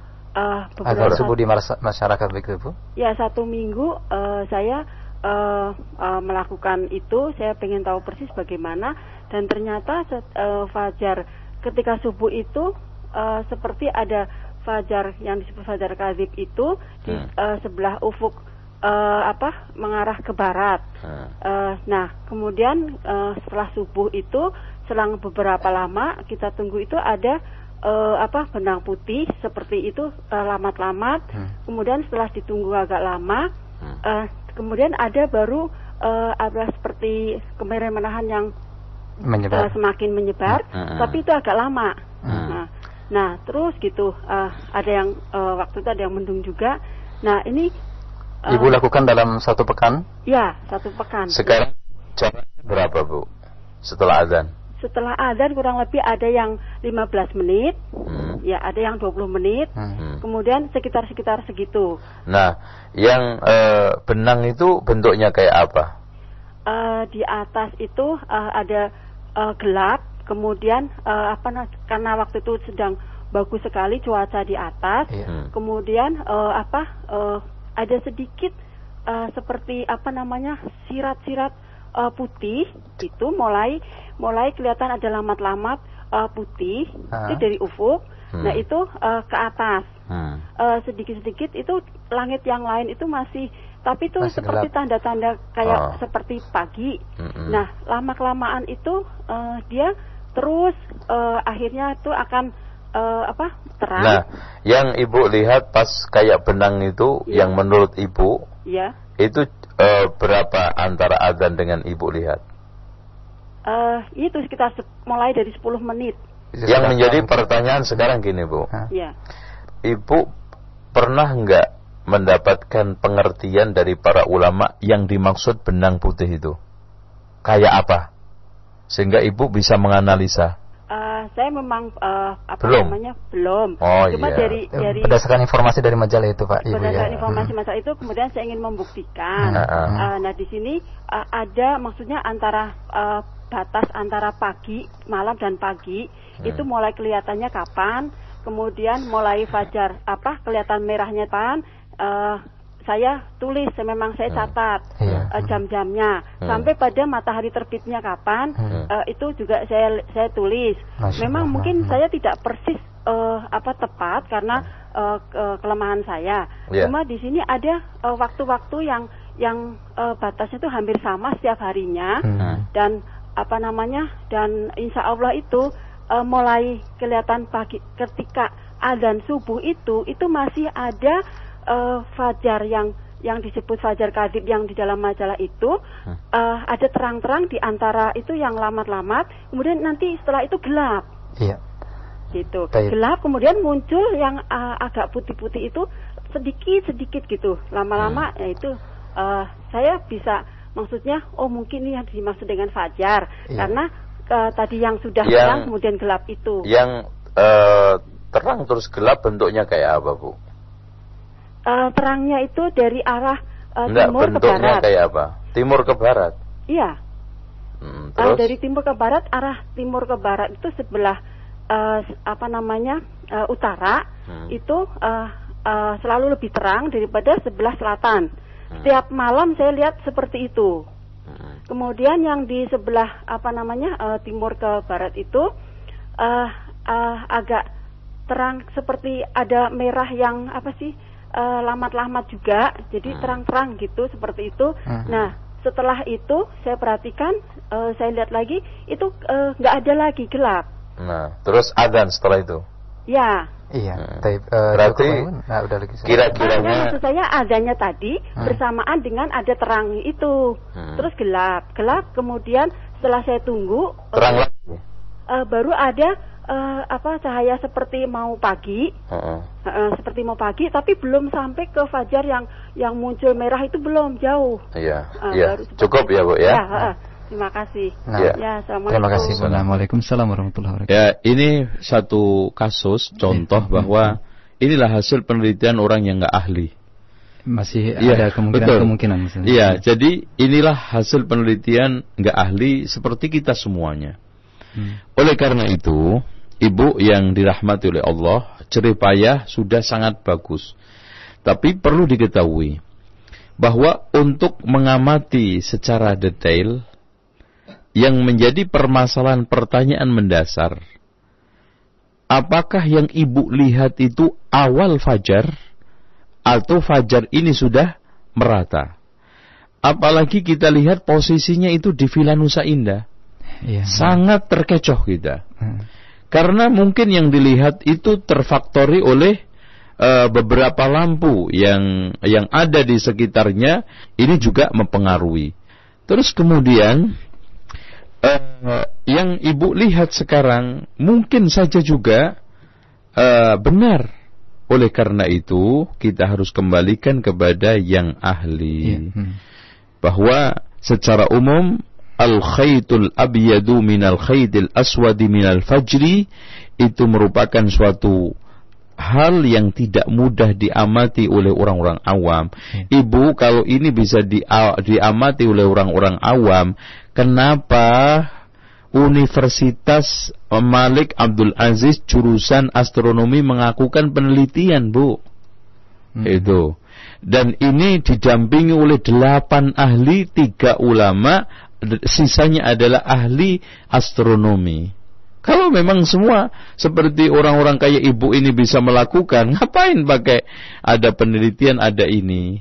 Dan ngapain di Depak, di MUI dan juga Menko Info itu merekrut orang-orang ahli dalam masalah ini? Kalau semua bisa melakukan, namun kita tidak ingkari. Semua orang bisa melakukan untuk melihat fajar, iya. tapi fajar sudah nyebar. Hmm.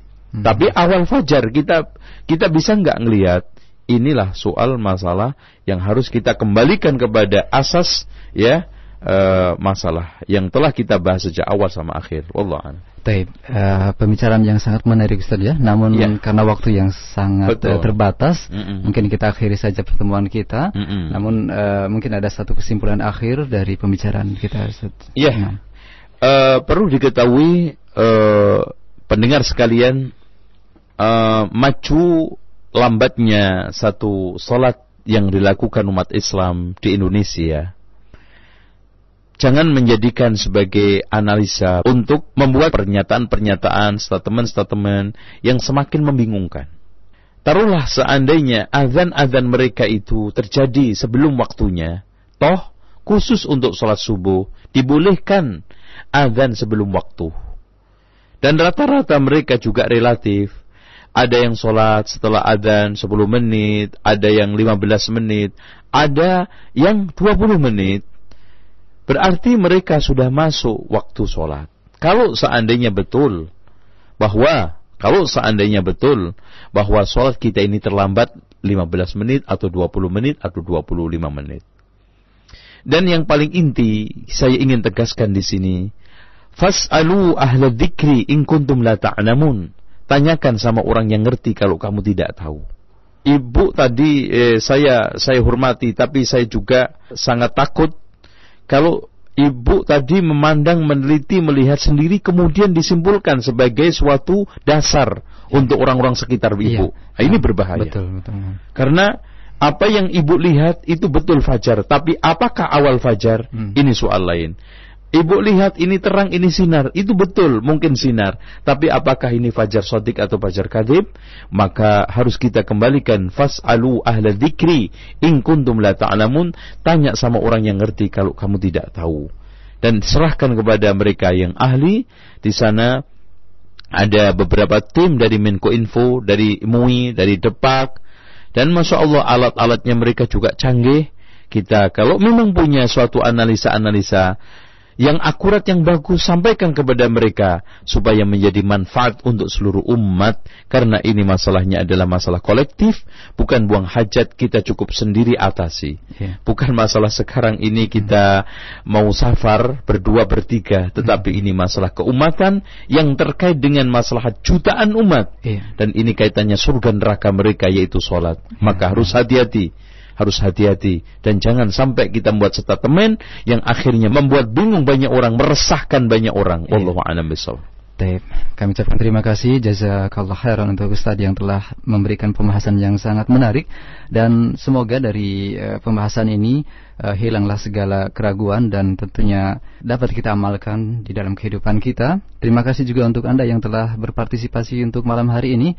Mohon maaf karena begitu banyak ya pertanyaan yang datang dari pesan singkat uh, di 0819896543 yang tidak bisa kami ajukan karena keterbatasan waktu. Insya Allah kita lanjutkan pembahasan ini atau pembahasan materi-materi yang lainnya di kesempatan hari Rabu malam di pekan mendatang.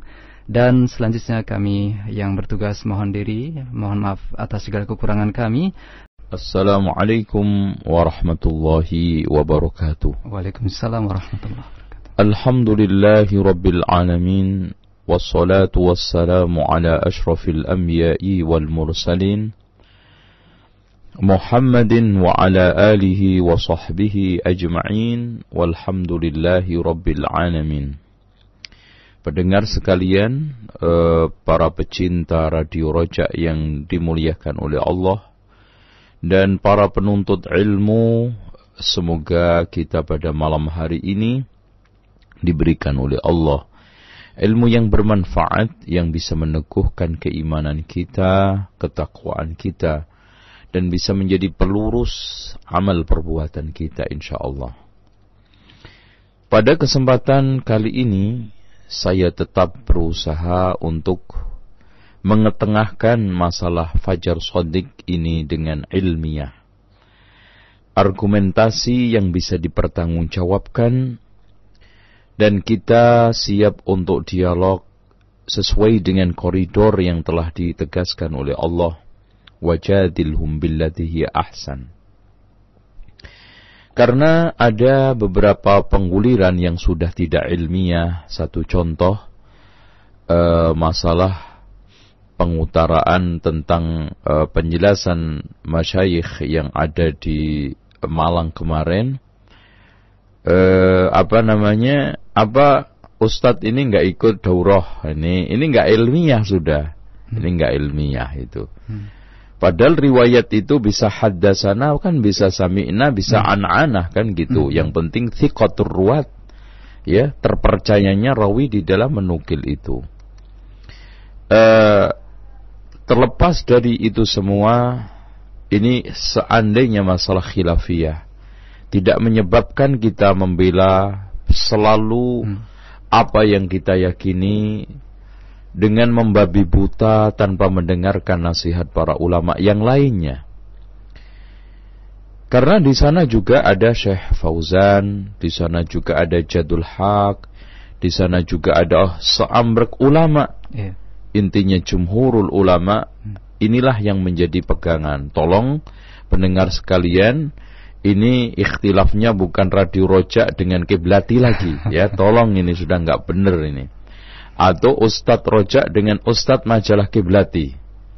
Dan saya sebutkan di sini karena sudah ada penyebutan nama saya di situs kiblati ya. Dan rututnya ini pembantahan ini pembantahan yang sudah terbuka dan kita siap untuk dialog secara ilmiah Pendengar sekalian yang dirahmati oleh Allah Subhanahu wa taala.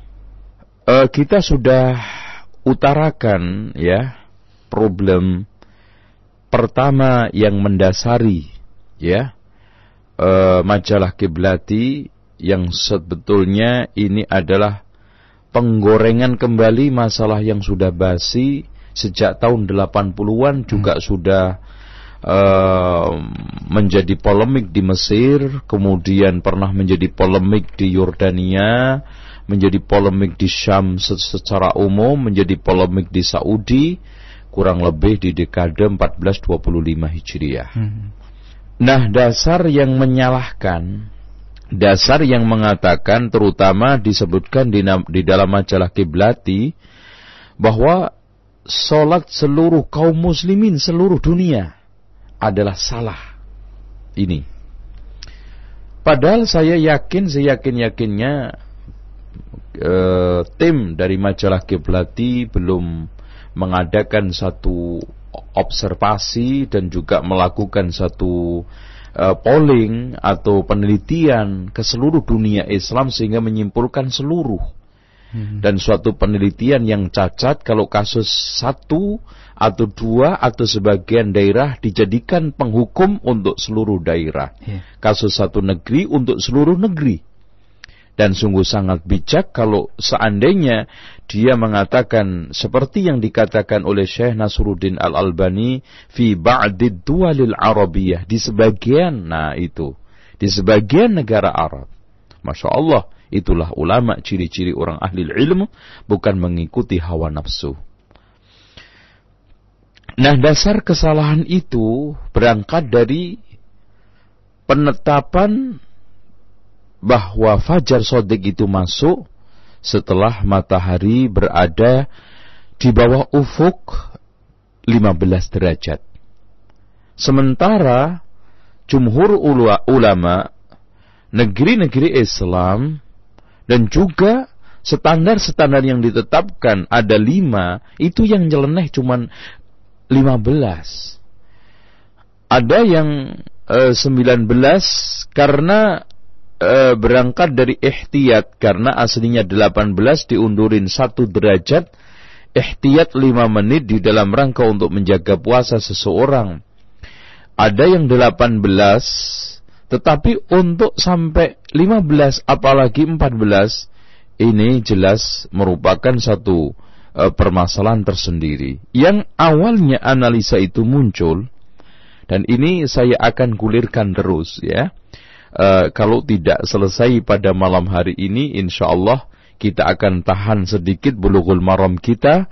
Kita akan bahas selanjutnya dan pembahasan saya ini saya rujukkan kepada ulama syar'i dan juga ulama uh, falaki dan juga ulama-ulama yang kapabel di dalam bidangnya dan pada saat ini saya akan menukil beberapa kasus uh, bukti dalil baik dari Al-Qur'an maupun Alkitab.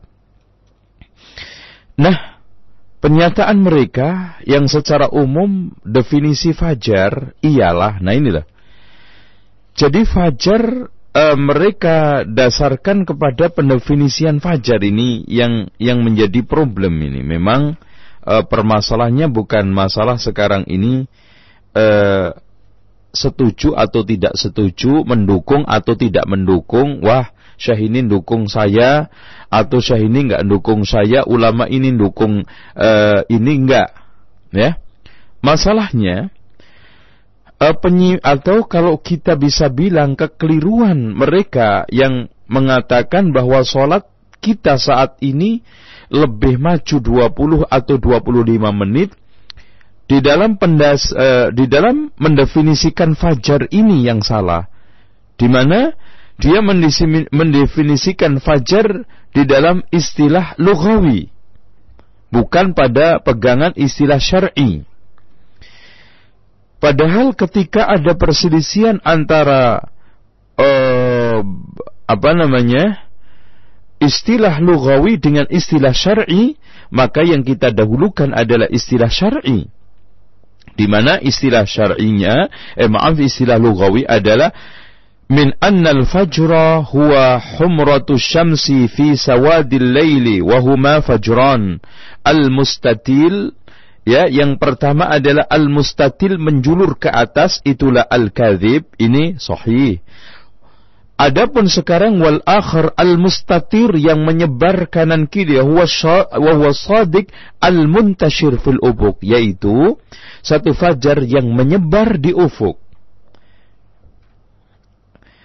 Uh, kita tidak ingkari bahwa ini pendefinisian fajar secara lugawi sah karena fajar yang didefinisikan ini adalah fajar secara utuh kalau kita ingin katakan fajar ialah secara utuh, ya seperti itu. Tapi yang menjadi permasalahan sekarang istilah syar'inya seperti yang telah dikatakan oleh Allah wa kulu washrabu hatta yatabayyana lakumul khaytul abyad. Nah, ini. Al khaytul abyadu ini memberikan satu pengertian syar'i yang paling mendalam, tidak bisa dibantah. Sekarang yang kita analisa bukan fajar yang sudah menyebar, yang menjadi dasar pokok adalah awal fajar itu kayak apa sih? Itu loh. Awal fajar itu bentuknya kayak apa? Telah didefinisikan oleh Allah secara baik dan tidak ada seorang pun yang boleh meleset, boleh melampaui batas ini dan tidak boleh me, uh, menyelisihinya al-khaytul abyad. Al-khaytul abyad telah dijelaskan oleh jumhurul ulama adalah satu bentuk sinar yang di ufuk timur mel, uh, melintang kanan kiri sebesar uh, apa namanya benang kalau seandainya kita dekatkan.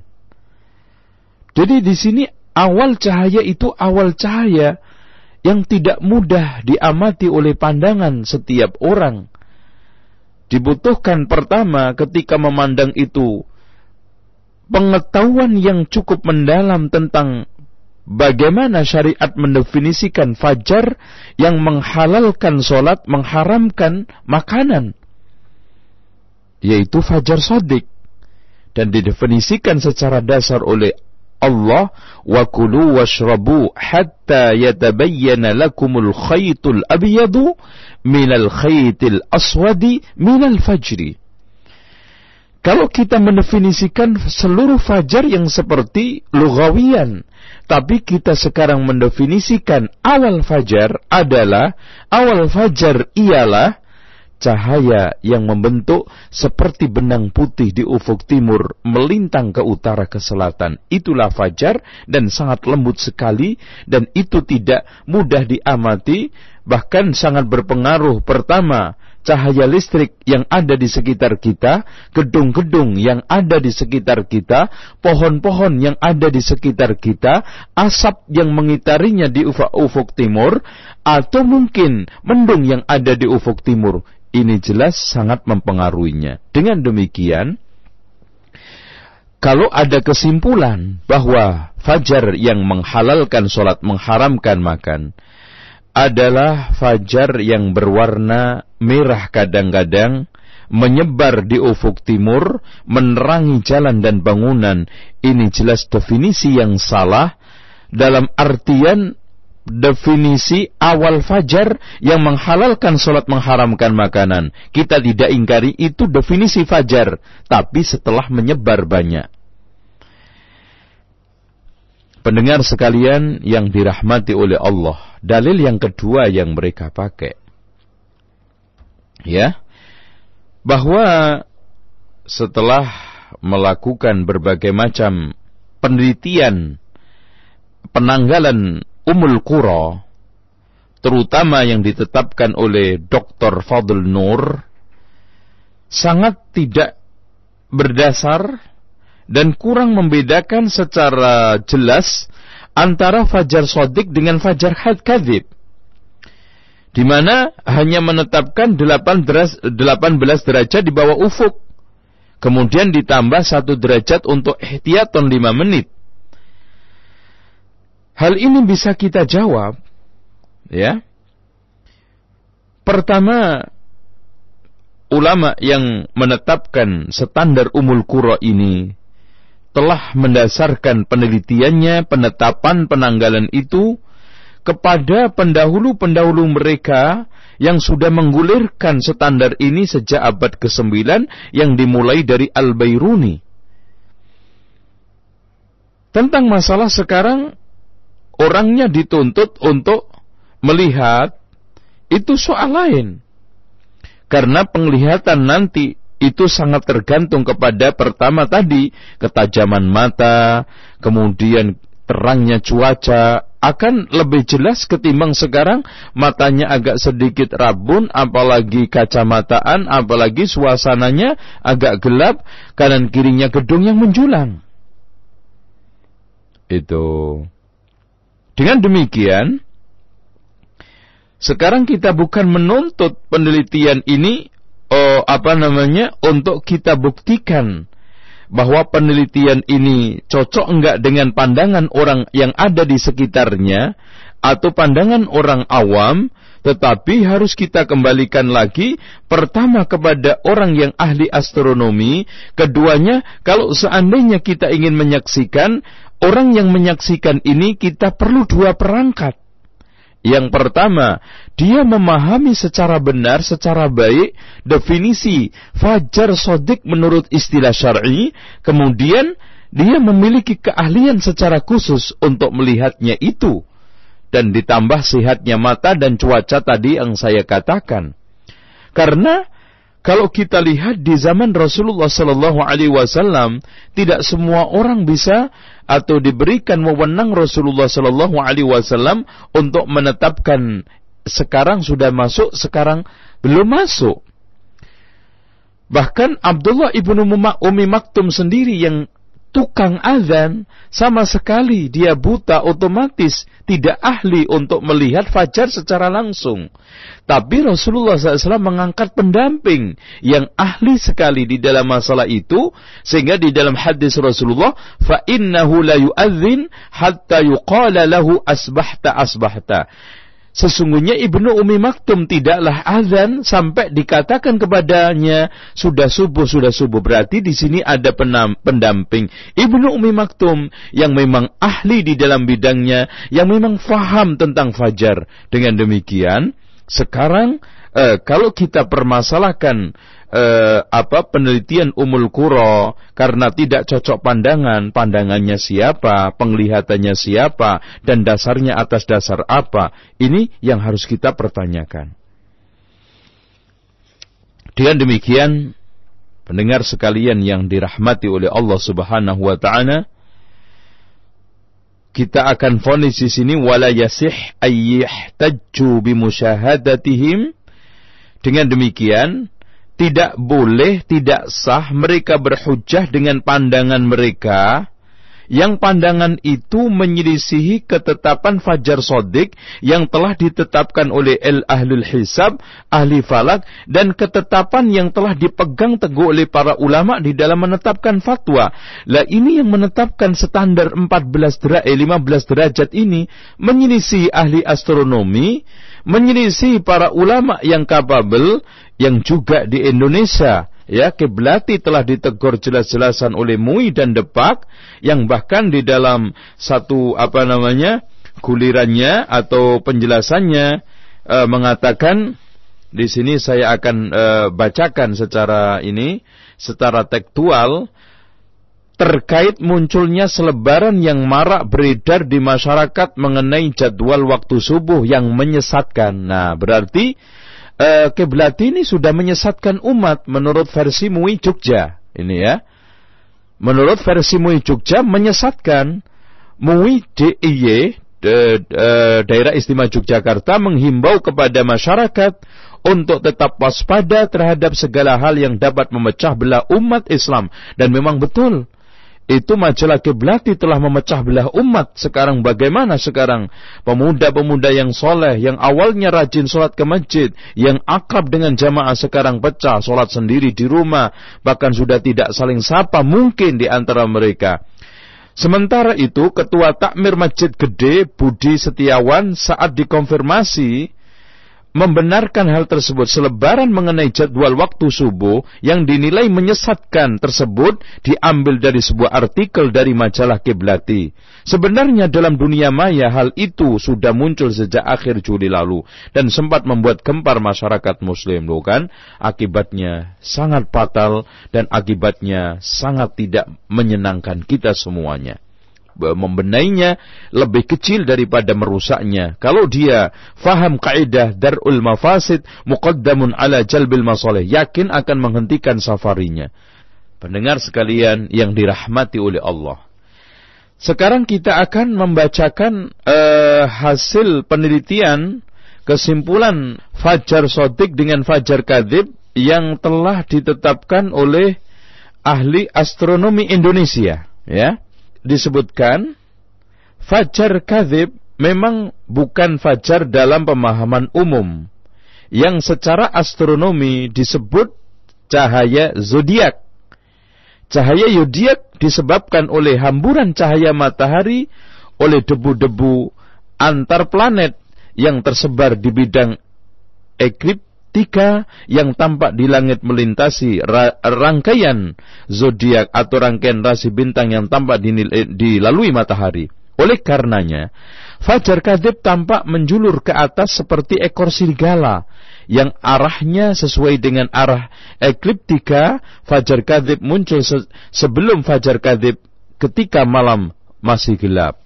Nah, fajar sodik ialah hamburan cahaya matahari oleh partikel-partikel di udara yang melingkupi bumi. Dalam bahasa Al-Quran fenomena itu diibaratkan dengan ungkapan terang bagimu benang putih dan benang hitam. Yaitu peralihan dari gelap malam hitam menuju munculnya cahaya putih. Dalam bahasa fisika hitam bermakna tidak ada cahaya yang dipancarkan. Dan putih bermakna ada cahaya yang dipancarkan. Karena sumber cahaya itu dari matahari penghamburnya adalah udara. Maka cahaya fajar melintang sepanjang ufuk. Horizon yaitu kaki langit itu bertanda akhir malam, menjelang matahari terbit. Semakin matahari mendekati ufuk, maka semakin terang fajar sodik. Jadi, batasan yang bisa digunakan adalah jarak matahari di bawah ufuk. Dan di sini kata terus, secara astronomi, fajar dibagi menjadi tiga. Fajar astronomi inilah yang dimaksud asyafakul falaki, yang digunakan untuk penetapan ibadah sholat subuh. Yang kedua adalah fajar nautika, yaitu fajar yang dipakai oleh para nelayan untuk uh, uh, sudah nampak ufuk di laut. Jadi uh, nampak ufuk di laut itu uh, yang dipakai standar mereka dan ini takarannya beda. Kalau fajar astronomi menerapkan 18, kalau fajar naurotika itu menerapkan 12 derajat di bawah ufuk dan fajar sipil itu 6. Fajar astronomi didefinisikan sebagai akhir malam ketika cahaya bintang mulai meredup karena mulai munculnya hamburan cahaya matahari. Biasanya didefinisikan berdasarkan kurva cahaya fajar astronomi ketika matahari berada sekitar 18 derajat di bawah ufuk. Fajar Nauritika adalah fajar yang menampakkan ufuk bagi para pelaut pada saat matahari berada di sekitar 12 derajat di bawah ufuk. Fajar sipil adalah fajar yang mulai menampakkan benda-benda di sekitar kita, bangunan dan jalan, yaitu 6 derajat. Jadi mulai gedung-gedung nampak, jalan-jalan nampak, nah itu eh, fajar yang dipakai standar, jadi nggak syar'i sama sekali. Nah, dengan demikian, kalau kita lihat ahli yang yang uh, telah diterjunkan oleh uh, Depak ya yang dipelopori oleh Bapak Jamaluddin ya dari anggota Badan Hisab Ru'yah Depak RI, peneliti utama astronomi astrofisika 8 dalam mendefinisikan fajar sodik dan kadib seperti itu. Belum lagi astronomi astronomi luar negeri yang semua hampir sama menetapkan bahwa ma, uh, subuh itu masuk di ketika matahari di bawah ufuk 18 derajat bukan versi eh, yang telah nyeleneh ganjil dan syad yaitu eh, 14 atau 15 dan inilah yang telah di Digulirkan juga pernah dulu yaitu Al-A'mash yang telah dikritikkan oleh para ulama eh, bahwa itu adalah pendapat yang syad yang di mana mengatakan bahwa subuh itu masuk ketika cahaya fajar itu menerangi jalan-jalan bangunan dan sudah cerah menyebar di sebelah timur. Wallahu alam bisawab. Pendengar sekalian yang dirahmati oleh Allah. Nah, sekarang uh, mungkin ada uh, di antara dalil yang ketiga yang mereka pakai uh, ucapan Hudzaifah di mana pernah sahur itu betul-betul terang bahkan dikiranya itu subuh uh, dan ini kita bisa bantah itu hadisnya maukuf dan kalau seandainya apa yang di, apa yang terjadi pada Abu Bakar As-Siddiq yang disebutkan di dalam Ibnu Abi Syaibah Intinya kalau kita bisa jawab, ini bukan masalah soal penetapan standar awal fajar. Permasalahan yang diangkat riwayat-riwayat tersebut adalah masalah yang terkait dengan syak di dalam masalah ini sudah subuh atau belum. Itu aja yang jadi masalah. Kemudian dalil yang keempat ya yang dipakai oleh mereka adalah uh, penelitian yang dilakukan oleh Madinah Al eh, Abdul eh, Malik Abdul Aziz yang menetapkan bahwa uh, penelitian dari uh, hari ke hari menyimpulkan rata-rata uh, fajar itu terbit uh, pada waktu uh, matahari di bawah di ufuk itu ada kurang lebih 14-an. Padahal kalau kita mau teliti bisa kita katakan di sini penelitian tanggal 7 bulan 1 menetapkan eh, bahwa fajar apa namanya kadib itu 17,25. Tapi pada waktu penelitian tanggal 12 bulan 2 menetapkan fajar kadib itu 18,10. Di tanggal 9 bulan 4 penelitian itu menghasilkan fajar kadib itu ada dalam posisi 19,33. Dalam uh, ta, uh, tanggal 6 da, bulan 6 uh, eh, fajar kadib itu bahkan ditemukan muncul ta, uh, matahari di bawah ufuk 21,35. Uh, pada tanggal 11 bulan 7 ditemukan fajar kadib itu matahari di bawah ufuk 20,29. Nah, ini kan uh, merupakan suatu uh, hal yang tidak bisa kita uh, gulirkan secara konstan. Uh, tidak bisa kita ambil satu kesimpulan gampang. Ini yang dilihat oleh mata loh ya. Sementara yang dilihat oleh alat, alat lebih akurat dan telah uh, disimpulkan hampir sama yang telah uh, distandarkan oleh Umul Qura, oleh uh, Pakistan dan yang lainnya. Bahkan kalau kita lihat dari mulai Umul Qura menetapkan standar 19 karena diundur sedikit untuk ihtiyat orang puasa, Rabitu alam ilami, alam islami 18 derajat, uh, Mesir menetapkan 5, uh, 19, ini 5 dan seterusnya. Dan perlu kita catat di sini juga, kalau seandainya sekarang ini uh, dia memakai uh, 15 itu adalah standar ISNA, yaitu ditetapkan oleh Amerika uh, di Amerika Selatan sana, itu sangat tidak cocok kalau otomatis kita terapkan di negeri kita atau, atau apa namanya uh, di garis katulistiwa dan jelas ini akan menimbulkan satu kesimpulan yang berbeda juga. Ini yang bisa kita sampaikan secara singkat. Nah, sekarang tiba saatnya penjelasan tentang masalah hujah yang dipakai mereka dari ucapan-ucapan ulama untuk membenarkan uh, sinyalmen, membenarkan kasak kusu, membenarkan hal-hal yang mereka masih ragu sendiri ya. Mereka masih ragu, buktinya ke sana sini apa namanya berusaha untuk meyakinkan pendapatnya itu benar, bukan meyakinkan kebenaran kepada orang ya. Enggak yakin bahwa pendapatnya itu benar sehingga terus cari dukungan kan gitu. Nah, padahal kalau kita uh, dari uh, beberapa informasi yang saya dapat secara akurat pertanyaan itu disetel juga untuk membenarkan atau secara khusus mungkin Syekh tidak menyebutkan secara khusus Indonesia secara umum. Bahkan ada catatan yang sangat elok cantik yang mungkin tidak disebarkan oleh Kiblati yaitu pernyataan masyayikh yang mengatakan ini tetap harus dia kembalikan kepada waliul amri umara pemerintah atau pihak yang berwenang. Lah ini yang tidak disiarkan, tidak disebarkan, bahkan tidak disampaikan kepada jamaah. Di antara dalil yang pertama yang telah digunakan untuk pembelaan secara umum saya tidak mengkritisin Indonesia saja. E, beberapa kelompok atau orang yang mengatakan bahwa sebagian sholat kaum muslimin ini subuh terutama keluar dari waktunya 20 e, sampai 25 menit mendasarkan pernyataan Ibnu Hajar minal bid'il munkarah ما أحدث في هذا الزمان من إقاء الأذان الثاني قبل الفجر بنحو ثلث ساعة في رمضان وإذفاء المصابيح Jadi termasuk bid'ah mungkaro adalah yang telah diadakan pada zaman ini. Diadakan adzan yang kedua sebelum fajar kurang lebih sepertiga jam di Ramadan dan mematikan lampu-lampu dan seterusnya. Intinya seakan-akan Ibnu Hajar juga menyalahkan orang sholat saat ini. Kita jawab di sini Ibnu Hajar sama sekali. Kalau ucapan beliau ini kita jadikan sebagai patokan untuk uh, mendasarkan polemik antara fajar sodik fajar kadib.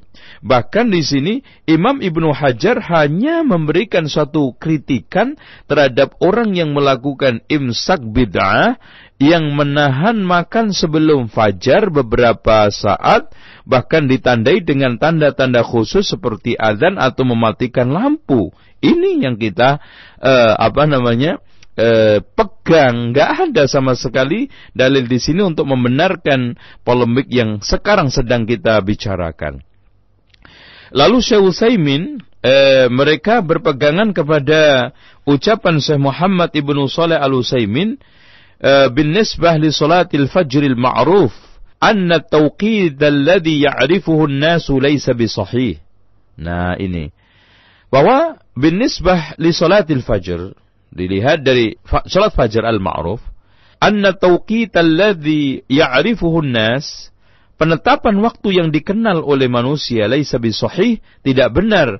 Fat tawqitu muqaddamun 'ala al-waqti bi khamsi daqa'iq 'ala aqalli taqdir wa ba'd al-ikhwan kharaju ila al-barri bahkan telah didahulukan lima menit sebelum waktunya paling sedikit itu dan sebagian ikhwan keluar ilal barri fawajadu anna al-farqa baina tawqid alladhi bi aidin nas wa baina tulu'il fajri nahwa thuluthi sa'at.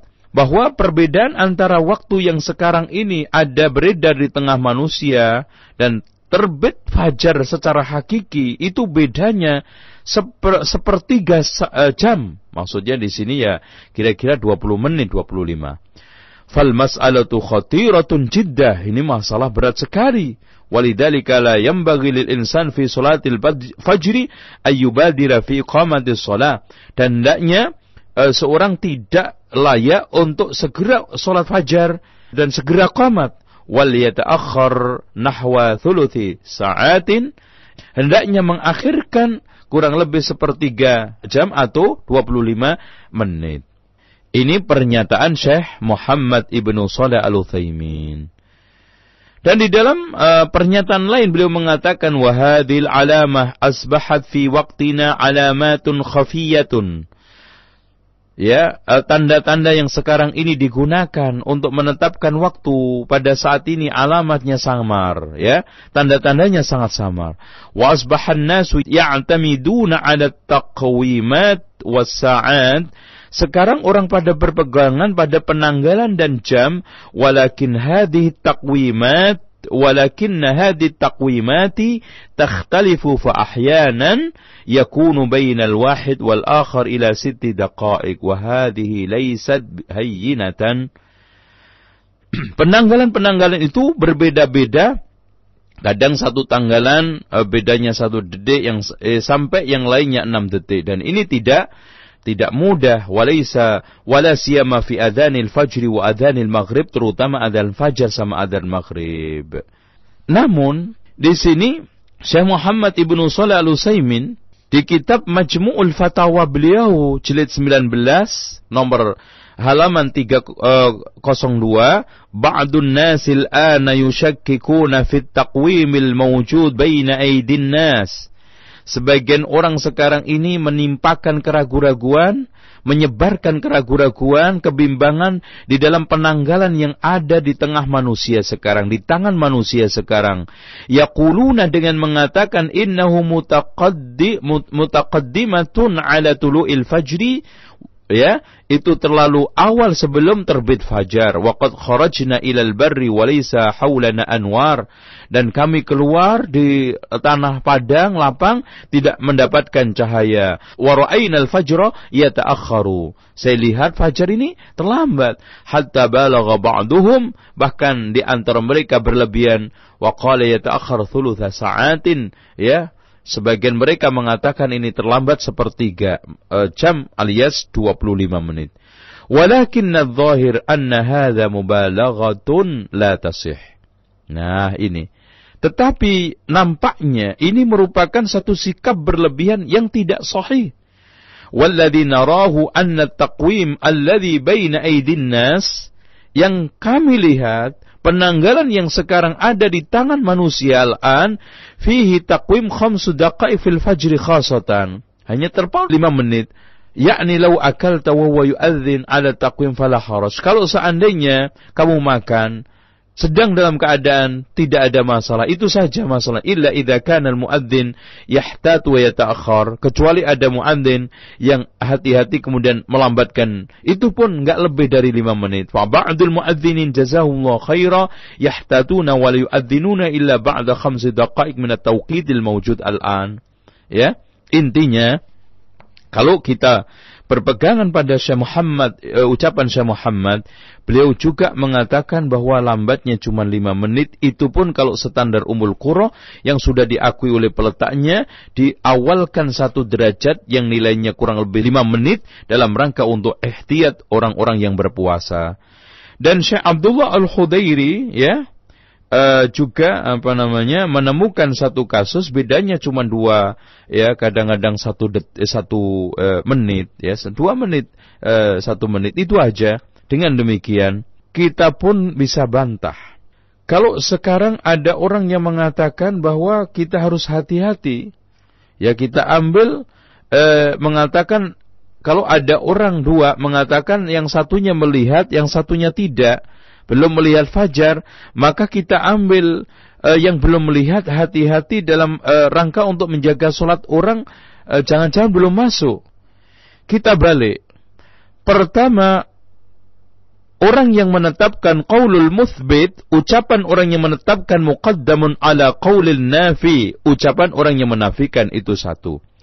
Kemudian yang ke keduanya, menciptakan kehati-hatian di dalam berpuasa itu lebih penting daripada kehati-hatian di dalam sholat. Karena eh, jarang orang yang habis azan langsung sholat. Tetapi kehati-hatian orang supaya tidak makan terus. Sekarang sementara sudah pacar menyingsing, ini lebih berbahaya daripada orang sekarang ini. Azannya maju sedikit. Kenapa? Karena azan sebelum fajar khusus untuk salat subuh adalah boleh. Ini berdasarkan penjelasan Imam Nawawi dan ulama-ulama yang lainnya diambilkan dasar dari hadis Ibnu Umi Maktum yadullu ala jawazi azan subhi qabla al-fajri sebelum fajar. Dan ini tidak ada masalah. Dengan demikian kita ingin tegaskan di sini bahwa uh, pernyataan yang dipakai uh, untuk membenarkan dari ucapan ulama di antaranya Syekh Muhammad Ibnu Shalih Utsaimin tidak mendapatkan pembenaran. Adapun uh, mereka juga menggunakan atau uh, menggulirkan pendapatnya Syekh Muhammad Ibn Nasruddin Al-Albani. Perlu diketahui bahwa nampaknya Syekh Muhammad kalau seandainya ini benar mengikuti pendapat di mana fajar uh, sodik adalah fajar yang nampak menyebar. Ya, nyampak menyebar. Tetapi di dalam suatu ungkapan yang lainnya beliau mengatakan wa alam annahu la munafata baina wasfihi sallallahu alaihi wasallam li daw'il fajr sadiq bil ahmar wa wasfihi ta'ala iyau bi qawli al khaytul abyad لأن المراد والله أعلم بياد مشوب بحمرة أو تارة يكون أبيض وتارة يكون أحمر berarti di sini putih tetap yang sudah uh, apa namanya mengandung eh, serabut-serabut uh, kemerahan. Ini pendapatnya Syekh. Ini kalau seandainya sahih itu uh, yang mereka fahami. Tetapi kita kembalikan kepada ucapan Syekh uh, Imam Malik, "Kullun yu'khadu wa yutrak min qawlihi illa sahibu hadzal qabri."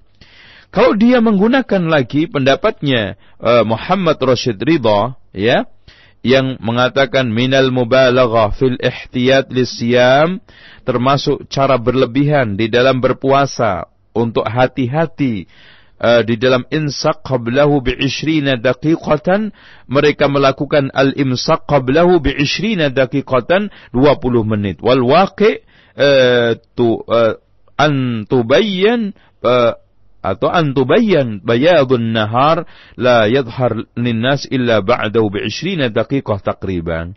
Ya, ini mereka buat pegangan ucapan uh, Syekh Muhammad Rashid Ridha difahami bahwa wal waqi antubayyan bayadun nahar, ya. Atau anta antabayyana bayadun nahar, ya. Harusnya sholat subuh itu sudah nampak mulai uh, putihnya siang la yadhhar linnas illa ba'dahu bi'ishrina daqiqatan takriba dan itu tidak nampak kecuali setelah 20 menit kira-kira. Nah, ini juga dipakai dasar seakan-akan Syekh Muhammad Rashid Ridho juga mengatakan bahwa sholat kita sekarang ini lebih maju, lebih awal 20 menit. Namun pendengar pendengar sekalian, kita bantah dengan ucapan beliau secara keseluruhan. Di mana beliau mengatakan ketika di dalam surat tafsir Al-Manar cetakan yang kedua. Kulu wa kulu washrabu hatta yatabayyana lakumul khaytul abyadu minal khaytil aswadi minal fajri أي ويباح لكم الأكل والشرب كالمباشرة عامة الليل حتى يتبين لكم بيات الفجر فمتى تبين وجب الصيام nampak sekali Syekh Muhammad Rasid Ridho tidak mengingkari bahwa standar awal puasa sudah masuk adalah bayadul fajri kembali kepada firman Allah wa kulu washrabu hatta yatabayyana lakumul khaytul abyad.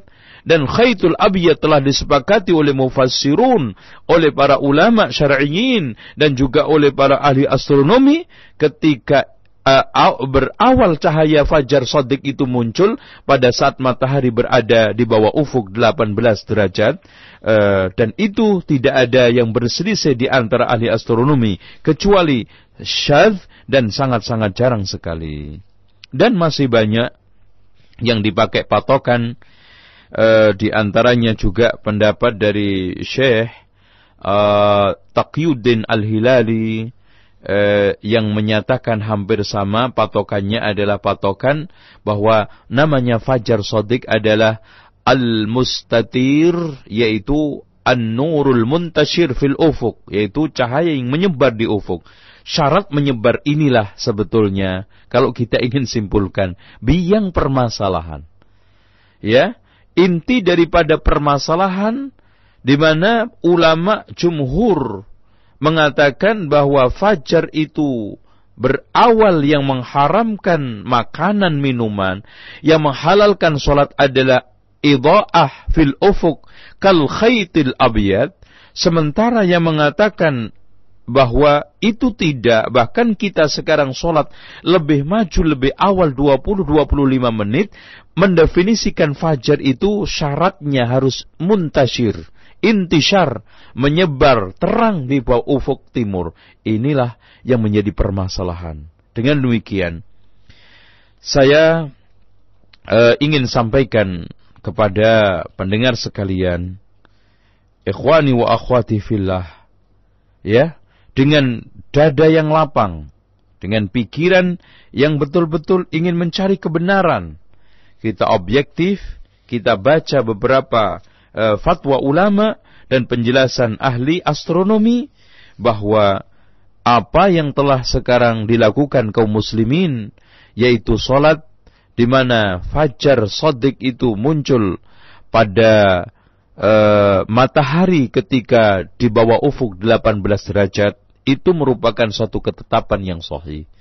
Dan kalau seandainya maju itu tidak lebih dari 5 menit. Kalau seandainya maju, itu pun kalau menggunakan standar 19 di bawah ufuk.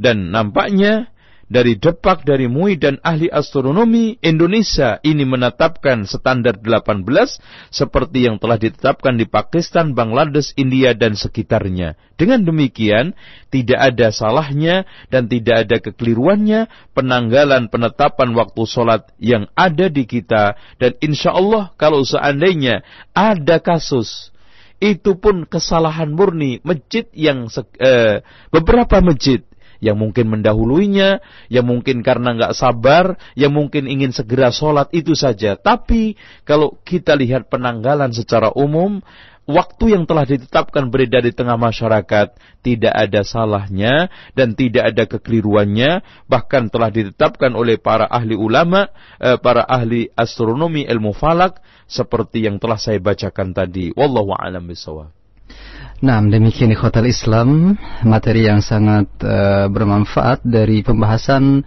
uh, polemik Fajar Sodik yang disampaikan oleh Al-Ustaz Abu Ahmad Zainal Abidin Hafirullah Ta'ala. Selanjutnya, sesi berikut dari kajian kita adalah tanya jawab. Jangan ke mana-mana, kita akan ikuti sesi tanya jawab. Anda bisa kirimkan pertanyaan melalui pesan singkat di 0819896543 atau melalui telepon di 0218236543. Kami akan hadir kembali ke ruang dengar Anda setelah beberapa jeda yang berikut ini. الشيطان الرجيم. لقد كان لكم في رسول الله أسوة حسنة لمن كان يرجو الله. لمن كان يرجو الله واليوم الآخر وذكر الله كثيرا. رجاء راديو دعوة. أهل السنة والجماعة. للذاكرين والذاكرات. أعوذ بالله من الشيطان الرجيم. إن الذين كذبوا بآياتنا واستكبروا عنها لا تفتح لهم لا تفتح لهم أبواب السماء ولا يدخلون الجنة حتى حتى يلج الجمل في سم الخياط. وكذلك نجزي المجرمين. لهم من جهنم مهاد ومن فوقهم غواش. وكذلك نجزي الظالمين. والذين آمنوا وعملوا الصالحات لا نكلف نفسا إلا وسعها. أولئك أصحاب الجنة.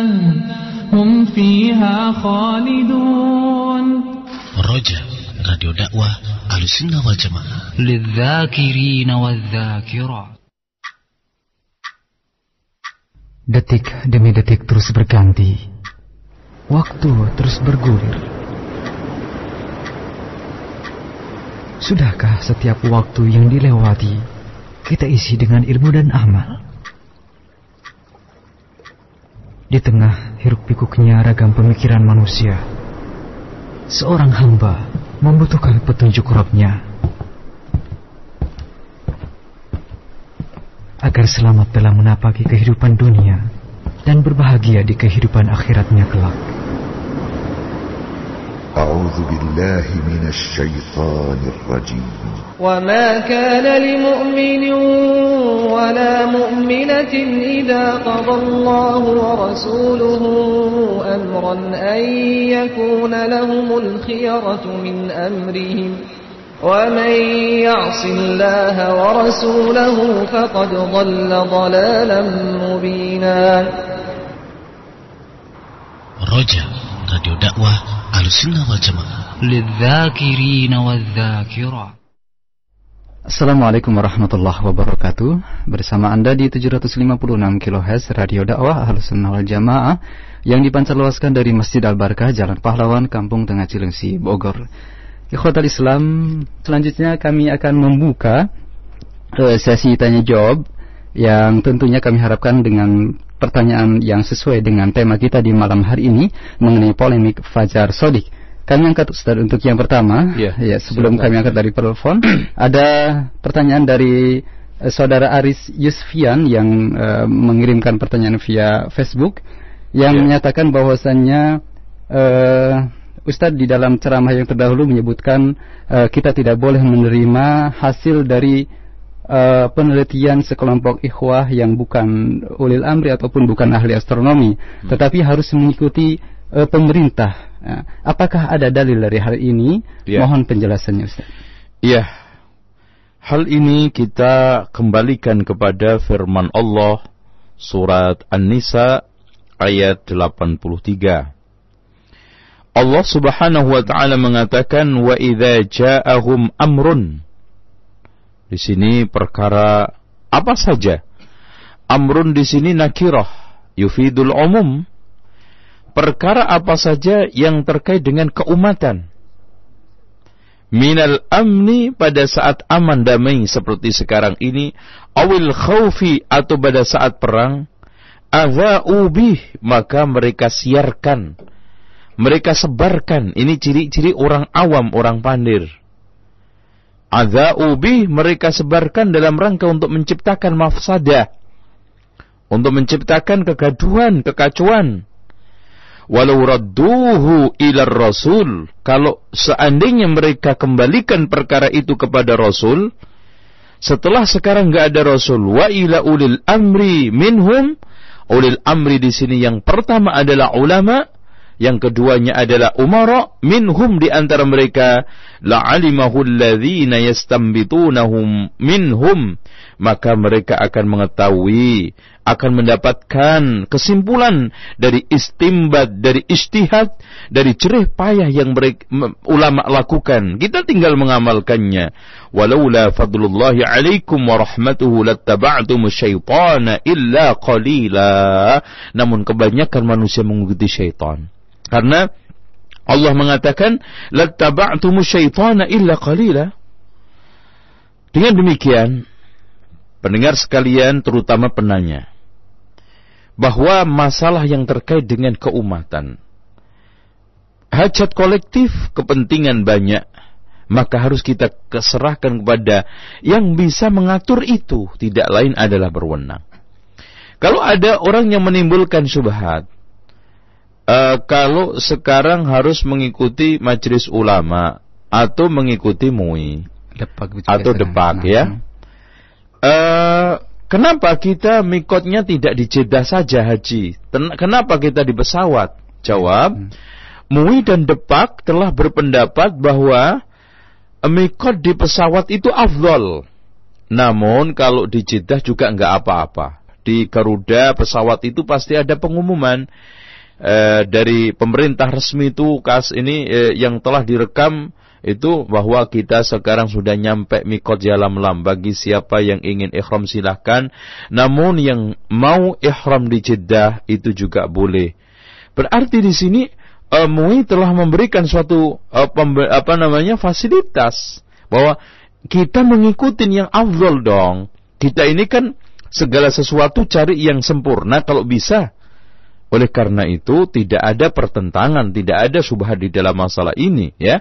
Allahu a'lam bishawab. Kalau seandainya toh Jeddah, Jeddah itu kan letaknya di Saudi, di Saudi itu kan waliul amrinya Saudi dan pemerintah Saudi itu tidak pernah menetapkan Jeddah itu sebagai sebagai miqat. Dan kalau hmm. seandainya kita katakan oke okay lah kita ikut MUI di sini. MUI telah mengatakan di dalam fatwanya itu bahwa uh, ini apa namanya yamlam ya lam lam di atas pesawat itu termasuk mikot yang abdul dan juga boleh di Jeddah. Wallahu a'lam.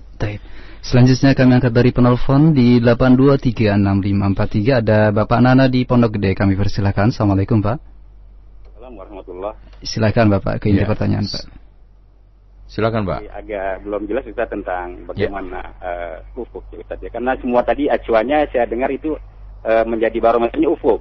Ya. Yeah. Yang saya ingin tanyakan adalah ufuk itu yang ufuk, pengertian saya belum tahu yang dimaksud Taib. ufuk itu mana. Ya.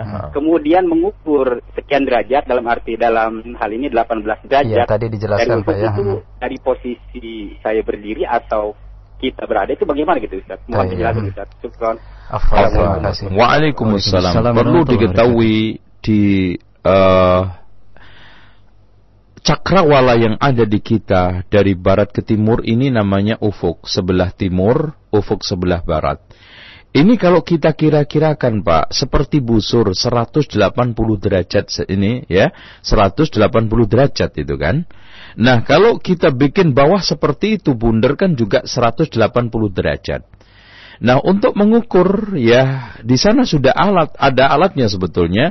Makanya setiap pesawat yang turun itu turun e, nukiknya itu berapa derajat itu ada ada itu. Yang paling Garis bagus iya hmm. ya. Itu e, tiga derajat e, bawah nukiknya. Hmm. Kalau seandainya empat bisa nyungsep kan gitu. Yeah. Nah, ini insya Allah itu e, alatnya ahli astronominya dan ilmu falak sudah jelas ya. Nah, tentang masalah uh, untuk mengira-ngirakan ya tinggal sekarang ini kita uh, tadi itu uh, apa namanya uh, kita, kalau kita sudah punya alat insya Allah selesai semua atau kita bikin garis ya kalau garis lurus kita bikin di bawah, uh, di barat yang kira-kira matahari itu 18 kita tarik ke bawah. Nah, berarti 18-nya di bawah kira-kira itu. Begitu juga untuk mengetahui waktu sholat isya uh, itu juga kita bisa tarik garis eh, kira-kira ada sebagian ulama uh, seperti di Pakistan yang telah menetapkan sebagaimana kalau kita tetapkan subuh itu waktunya matahari di bawah ufuk 18 derajat maka isak juga sama berada di bawah di, di bawah ufuk 18. Nah, ufuk itu intinya garis bumi yang uh, apa namanya? Uh, kita lihat ini kalau kita itu menghadap ke timur, nah lurus langit itu seakan-akan di batas penglihatan kita itu bumi dan langit. Nah itulah namanya ufuk. Garis horizontal. Ya, garis horizontalnya. Mm -hmm. Ya, Allah a'lam.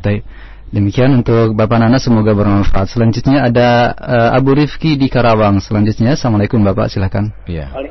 Waalaikumsalam Ustaz. Waalaikumsalam warahmatullahi wabarakatuh ini mensikapi masalah polemik yang sekarang berkembang nih. Yeah. Ini juga cukup membuat bingung para eh kaum muslimin ya, terutama mungkin hmm. di kalangan bawah ya, kalangan hmm. awam. Iya. Yeah. Nah, kalau anak bisa ngasih saran, bisa Ustaz?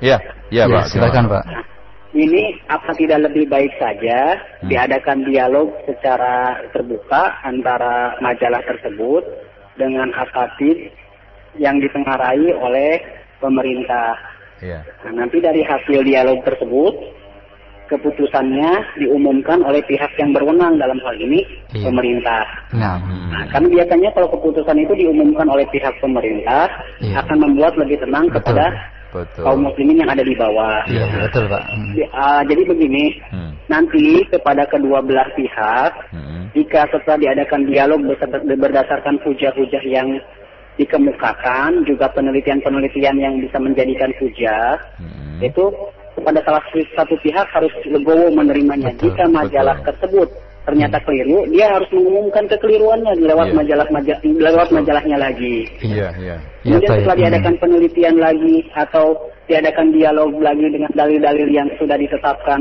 ternyata memang pihak pemerintah pun salah keliru gitu kan ya iya. nah, dan kekeliruan ini diumumkan juga kepada ya dikoreksi umat. kita nah. sebenarnya inginnya seperti itu yang menenangkan hati kita di Betul. dalam ibadah gitu Ustaz. Betul Pak. Ya, Pak ya. ya. Terima kasih Bapak Abu Rifil ya. atas saran dan masukannya. Terima kasih. Waalaikumsalam. Ya. Se sebetulnya harus begitu Pak. Masalahnya ini hmm. awalnya ini sudah dikulirkan sudah dicuap-cuapkan, ditablegkan, belum disampaikan ke pemerintah. Harusnya sebelum digulirkan ke masyarakat ini, disampaikan ke pihak berwenang. Bahkan bukan antar kita Pak, diskusinya Pak, itu itu uh, salah sasar harusnya tim dari Kiblati ini mengadakan dialog dengan Depak, dengan mungkin Menko Info, ya, juga dengan MUI.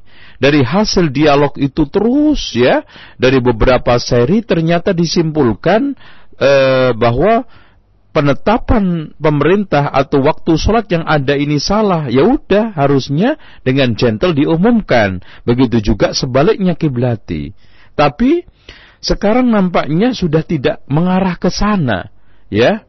Sudah tidak mengarah ke sana di mana seluruh ahli telah nah, nah e, perlu diketahui bahwa selebaran e, setelah itu e, saya mendengarkan e, mendengar atau mendapatkan cerita bahwa pihak Kiblati ini telah mengirimkan surat ke Depak ke ini tapi setelah menyebar.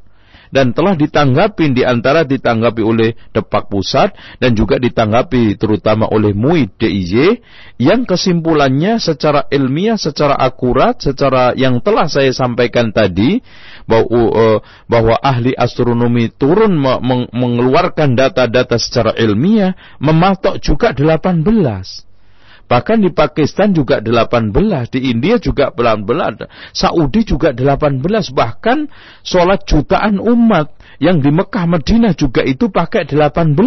Mm-hmm. Maka intinya takarannya kurang lebih itu matahari uh, kalau nah Bapak tadi yang tanya mm-hmm. kira-kira berapa sih?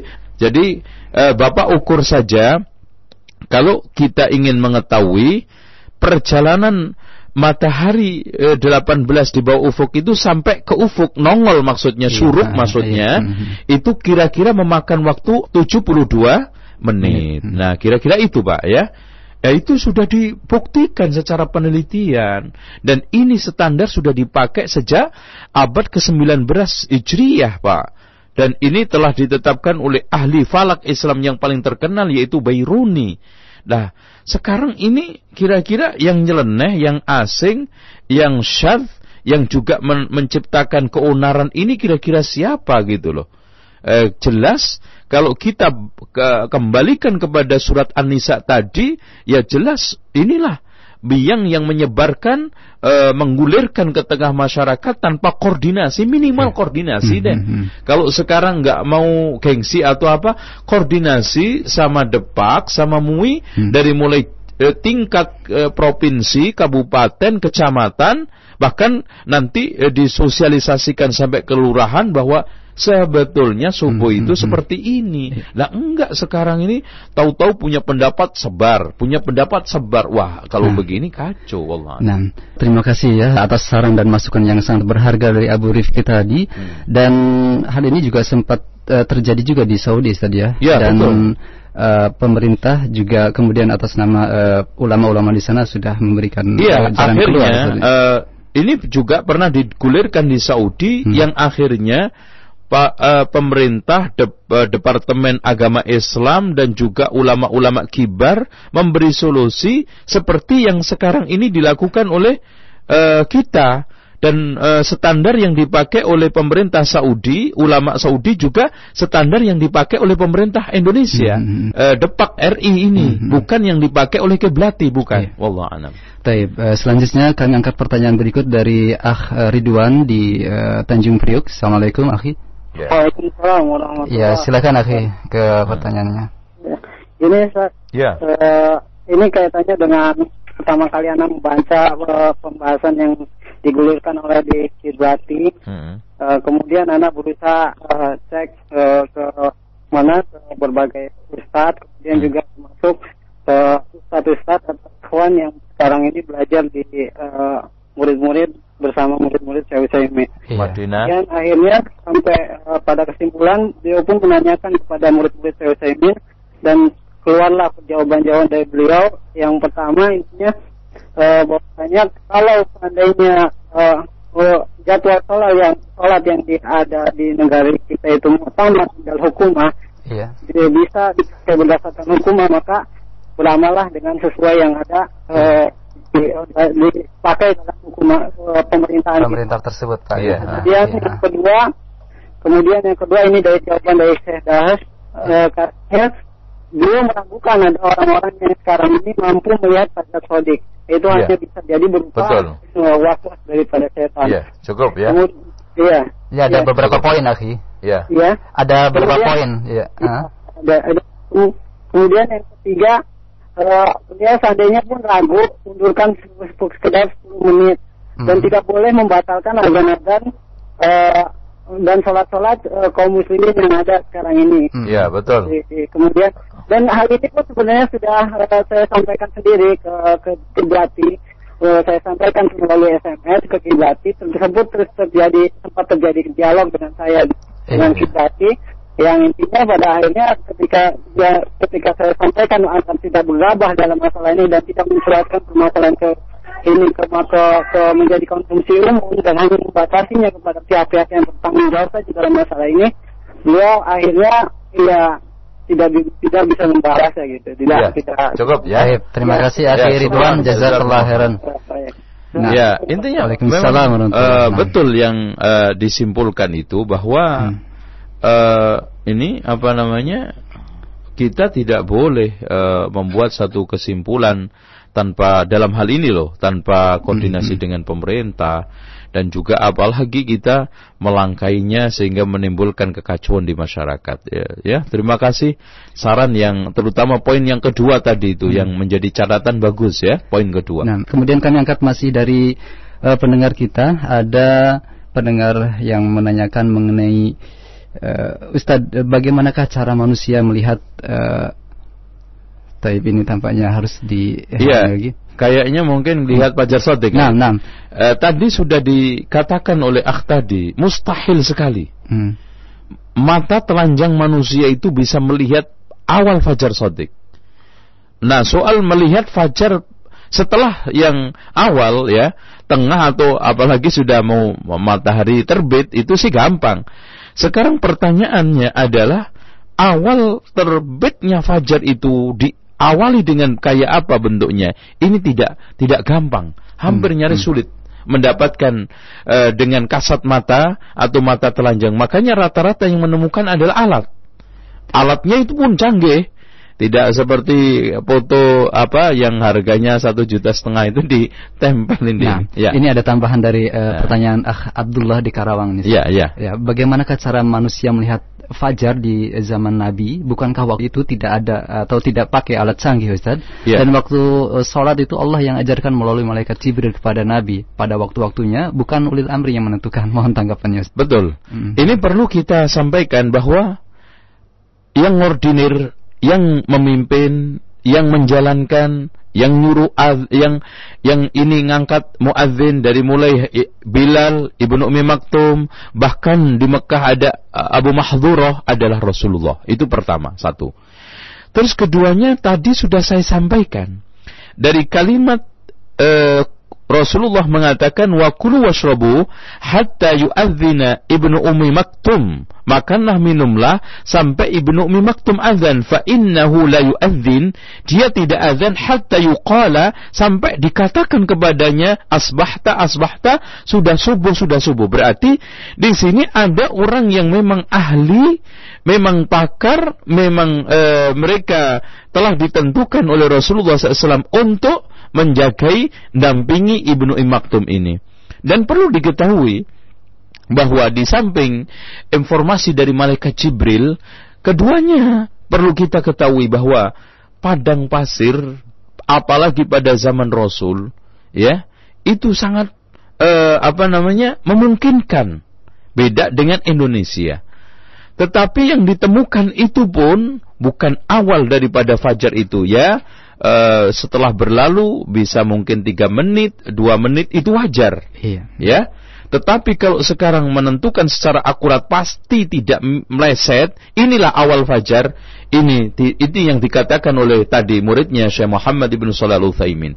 Tapi yang ditemukan oleh orang-orang yang ditugasi Rasulullah SAW seperti juga yang ditugasi Rasulullah oleh orang-orang yang melihat hilal pada saat itu yang memandu Rasulullah sebagai uh, nabi sekaligus qaid sekaligus pemimpin dan itu merupakan ungkapan kalau zaman sekarang adalah waliyul amri bahkan Rasulullah lebih daripada itu wallahu alam. Nah, selanjutnya dari pesan singkat kembali Ustadz barakallahu fikum hmm. saya hanyalah seorang awam hmm. yang berhati-hati saya takut apabila sholat kita dalam hal ini sholat subuh belum masuk waktunya. Sedangkan hmm. ibadah salat adalah ya ibadah yang Allah sudah tetapkan waktu yang uh, sudah kita ketahui bersama.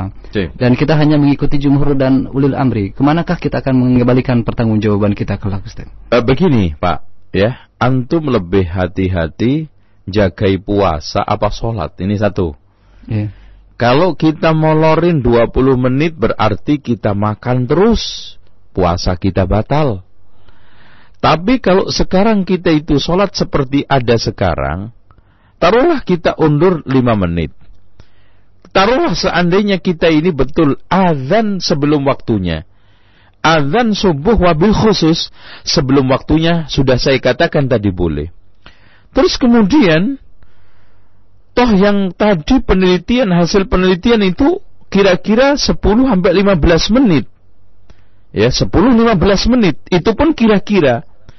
Seandainya kita habis adzan, kemudian uh, mandi junub dan uh, macam-macam kita kerjakan, toh kurang lebih antara 10, 15 sampai 20 menit. Gak ada masalah. Taruhlah kalau seandainya sekarang yang diputuskan oleh sebagian orang bahwa 15 derajat itu yang benar, ya. 15 eh, 15 derajat itu yang benar berarti bedanya cuma 15 menit dengan yang kita tetapkan yaitu 18 karena per derajat itu 5 menit. Kalau 15 kita sekarang adzan terus kemudian sholat rata-rata setelah 15 menit kan rata-rata 15 menit 20 menit sah juga. Jadi di sini nggak ada masalah. Terus kemudian pertanyaannya kita kembalikan kepada siapa pertama mas? Masalah fajar yang sekarang ini kita bahas adalah masalah yang telah bisa ditetapkan secara dalil Al-Quran dan Sunnah. Wa kulu washrabu hatta yatabayyana lakumul khayt dan juga wa kulu washrabu hatta yu'adzina dan seterusnya tadi. Kalau kita mengamalkan sesuatu sudah yakin berdasarkan dalil, kemudian satu secara ahli fas'alu ahla dzikri in kuntum la ta'lamun, tanya kepada orang yang ngerti dalam masalah ini adalah ahli astronomi kalau kamu nggak tahu, juga sudah kita dapatkan. Yakin. Loh, kenapa kita sekarang ragu? Allah sudah memberikan suatu ketetapan kok kul hal yastawil ladina ya'lamuna wal ladina la ya'lamun dan Allah Subhanahu wa taala sudah uh, memberikan satu poin wala taqfu ma laysa laka ilm dan kita sudah mendapatkan ilm dari Al-Quran wa sunnah dan ahlinya fas'alu ahla dzikri in kuntum la ta'lamun maka kita kembalikan kepada Al-Quran dan sunnah fa in tanaza'tum fi syai'in farudduhu ila Allah war Rasul ternyata ini pendapat yang sahih. Insyaallah kita mendapatkan poin di hadapan iya. Allah insyaallah. Nah selanjutnya kami angkat dari penelpon kembali untuk eh, berikut ada Bapak Pranojo di Bekasi Bapak silakan. Assalamualaikum Waalaikumsalam warahmatullahi Silakan Pak Ya, mungkin gini Mas Ardi ya. ya. Nah, ini kita harus waspada ini ya. dengan pemikiran ini soalnya ini membahayakan. Betul, Pak. Apalagi kan eh, kita kan tahu hmm. jadi pembesar-pembesar Yahudi. Ya, betul. Itu tuh tidak takut dengan keadaan umat Islam sekarang ini. Betul. Mereka ini takut apabila jamaah sholat subuh itu sudah sama dengan jamaah sholat Jumat. Betul pak. Iya. Nah kalau kayak begini nih, bagaimana mencapai jamaah sholat subuh dengan nggak ada apa, perbedaan aja udah habis jamaah. nah ini kita waspada apa hmm. kira-kira ini dia mikir nggak ini Yahudi ini mengancam kita, sedangkan hmm. mereka itu baru takut kalau jamaah sholat subuh kita sama dengan sholat iya. Jumat itu bagaimana ya, Terima kasih Bapak. Waalaikumsalam warahmatullahi wabarakatuh. Inilah yang kita uh, sedihkan Bapak. Kenapa saya sampai angkat di sebetulnya awalnya saya tidak punya stressing untuk mengangkat ini di radio ini. Saya ingin melanjutkan pembahasan hadis bulughul maram. Tapi kembali lagi karena umat ini pada kebingungan ada sudah yang sholat di rumah. Bahkan lebih menyedihkan lagi eh, ada saran untuk sholat jamaah aja di rumah. Masya Allah, sejak kapan ada sholatul jamaah fil bait bagi rijal? Dengan demikian saya angkat di sini dan menyedihkan lagi sholat subuh saja tidak ada ikhtilaf seperti ini udah sedikit udah masya Allah kadang-kadang cuma lima enam ditambah lagi seperti ini. Dan yang kita khawatirkan Bapak ini dijadikan alasan sebagian orang untuk menambah semakin malas sholat jamaah ke masjid mendapatkan pembenaran eh, mendapatkan satu hujah untuk tidak datang ke masjid. Oh, kenapa kamu nggak sholat subuh? Oh, saya kan eh, nggak uh, bisa sholat jam segitu itu nggak benar. Nah, akhirnya punya alasan untuk tidak ke masjid dan ini yang kita takutkan. Oke, okay, mungkin yang menyebarkan tim dari kiblati tidak punya niatan seperti itu, husnudan kita seperti itu. Tapi bisa saja fatwa-fatwa yang sekarang ini uh, dianggap meringankan, menolelir kesalahan itu di, di dipakai sebagai bentuk pembenaran. Contoh aja ya, ada sebagian ulama kan mem membolehkan nikah dengan niat talak kan gitu. Akhirnya dimanfaatkan oleh sebagian orang-orang yang tidak bertanggung jawab untuk nikah eh, di tempat tertentu ya, dengan ya. lima hari pulang hmm, ke ya, tempat ya. daerah, udah. Nah inilah yang kita khawatirkan, pak ya. Wallahu a'lam Nah, tapi selanjutnya ini Tampaknya pertanyaan terakhir Ustaz ya untuk yeah, malam yeah. hari ini ada yeah. Uh, Abu Yusuf di Depok silakan Pak. Yeah. Halo. Assalamualaikum Ustaz. Ya, Waalaikumsalam warahmatullahi wabarakatuh. Ustaz ini saya uh, ini apa mau tanya Ustaz. Mm -hmm. Ya. Soalnya agak ini juga bertanya-tanya terus sudah berapa lama gitu Ustaz. Iya, iya, iya. Kalau dalam puasa kan kita diperintahkan untuk ru'yah ya Ustaz ya. Iya, yeah, kita tidak memakai hisap untuk penentuan uh, yeah, yeah. puasa itu Ustaz yeah, ya. Yeah, yeah. Nah kalau kita analogikan dengan sholat itu Ustaz, hmm. kalau di uh, hadisnya juga kan kita disuruh melihat tanda-tanda alam seperti subuh ada kenya, apa nyata benang putih dengan benang hmm. hitam. Hmm. Kemudian kalau duhur itu setelah tergelincir matahari hmm. dan lain sebagainya itu kan mungkin kalau nggak salah ini kalau memang pendapat saya salah, salah ya apa uh, menurut saya itu kan uh, sama seperti ru'yah juga Ustadz. Iya iya iya. Ya. Nah, kemudian uh, dengan kita berpatokan pada jam-jam yang sudah dibuat uh, berapa tahun sebelumnya, kemudian hmm, ke depan, kemudian itu kan sama dengan hisap gitu Ustadz. Iya. Kenapa?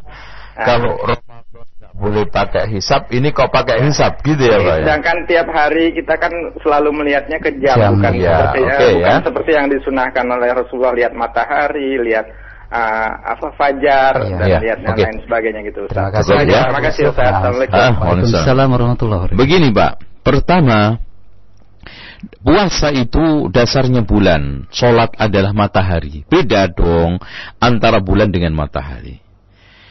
Dan yas'alunaka 'anil ahillah qul hiya mawaqitu linnas. Sementara salat Allah hanya memberikan eh, dasar mutlak. Aqimus salat duluki syamsi. Nah, kalau gitu kita tidak ada ketetapan untuk pakai hisab. Eh, untuk tidak boleh pakai hisab atau boleh pakai hisab. Silahkan.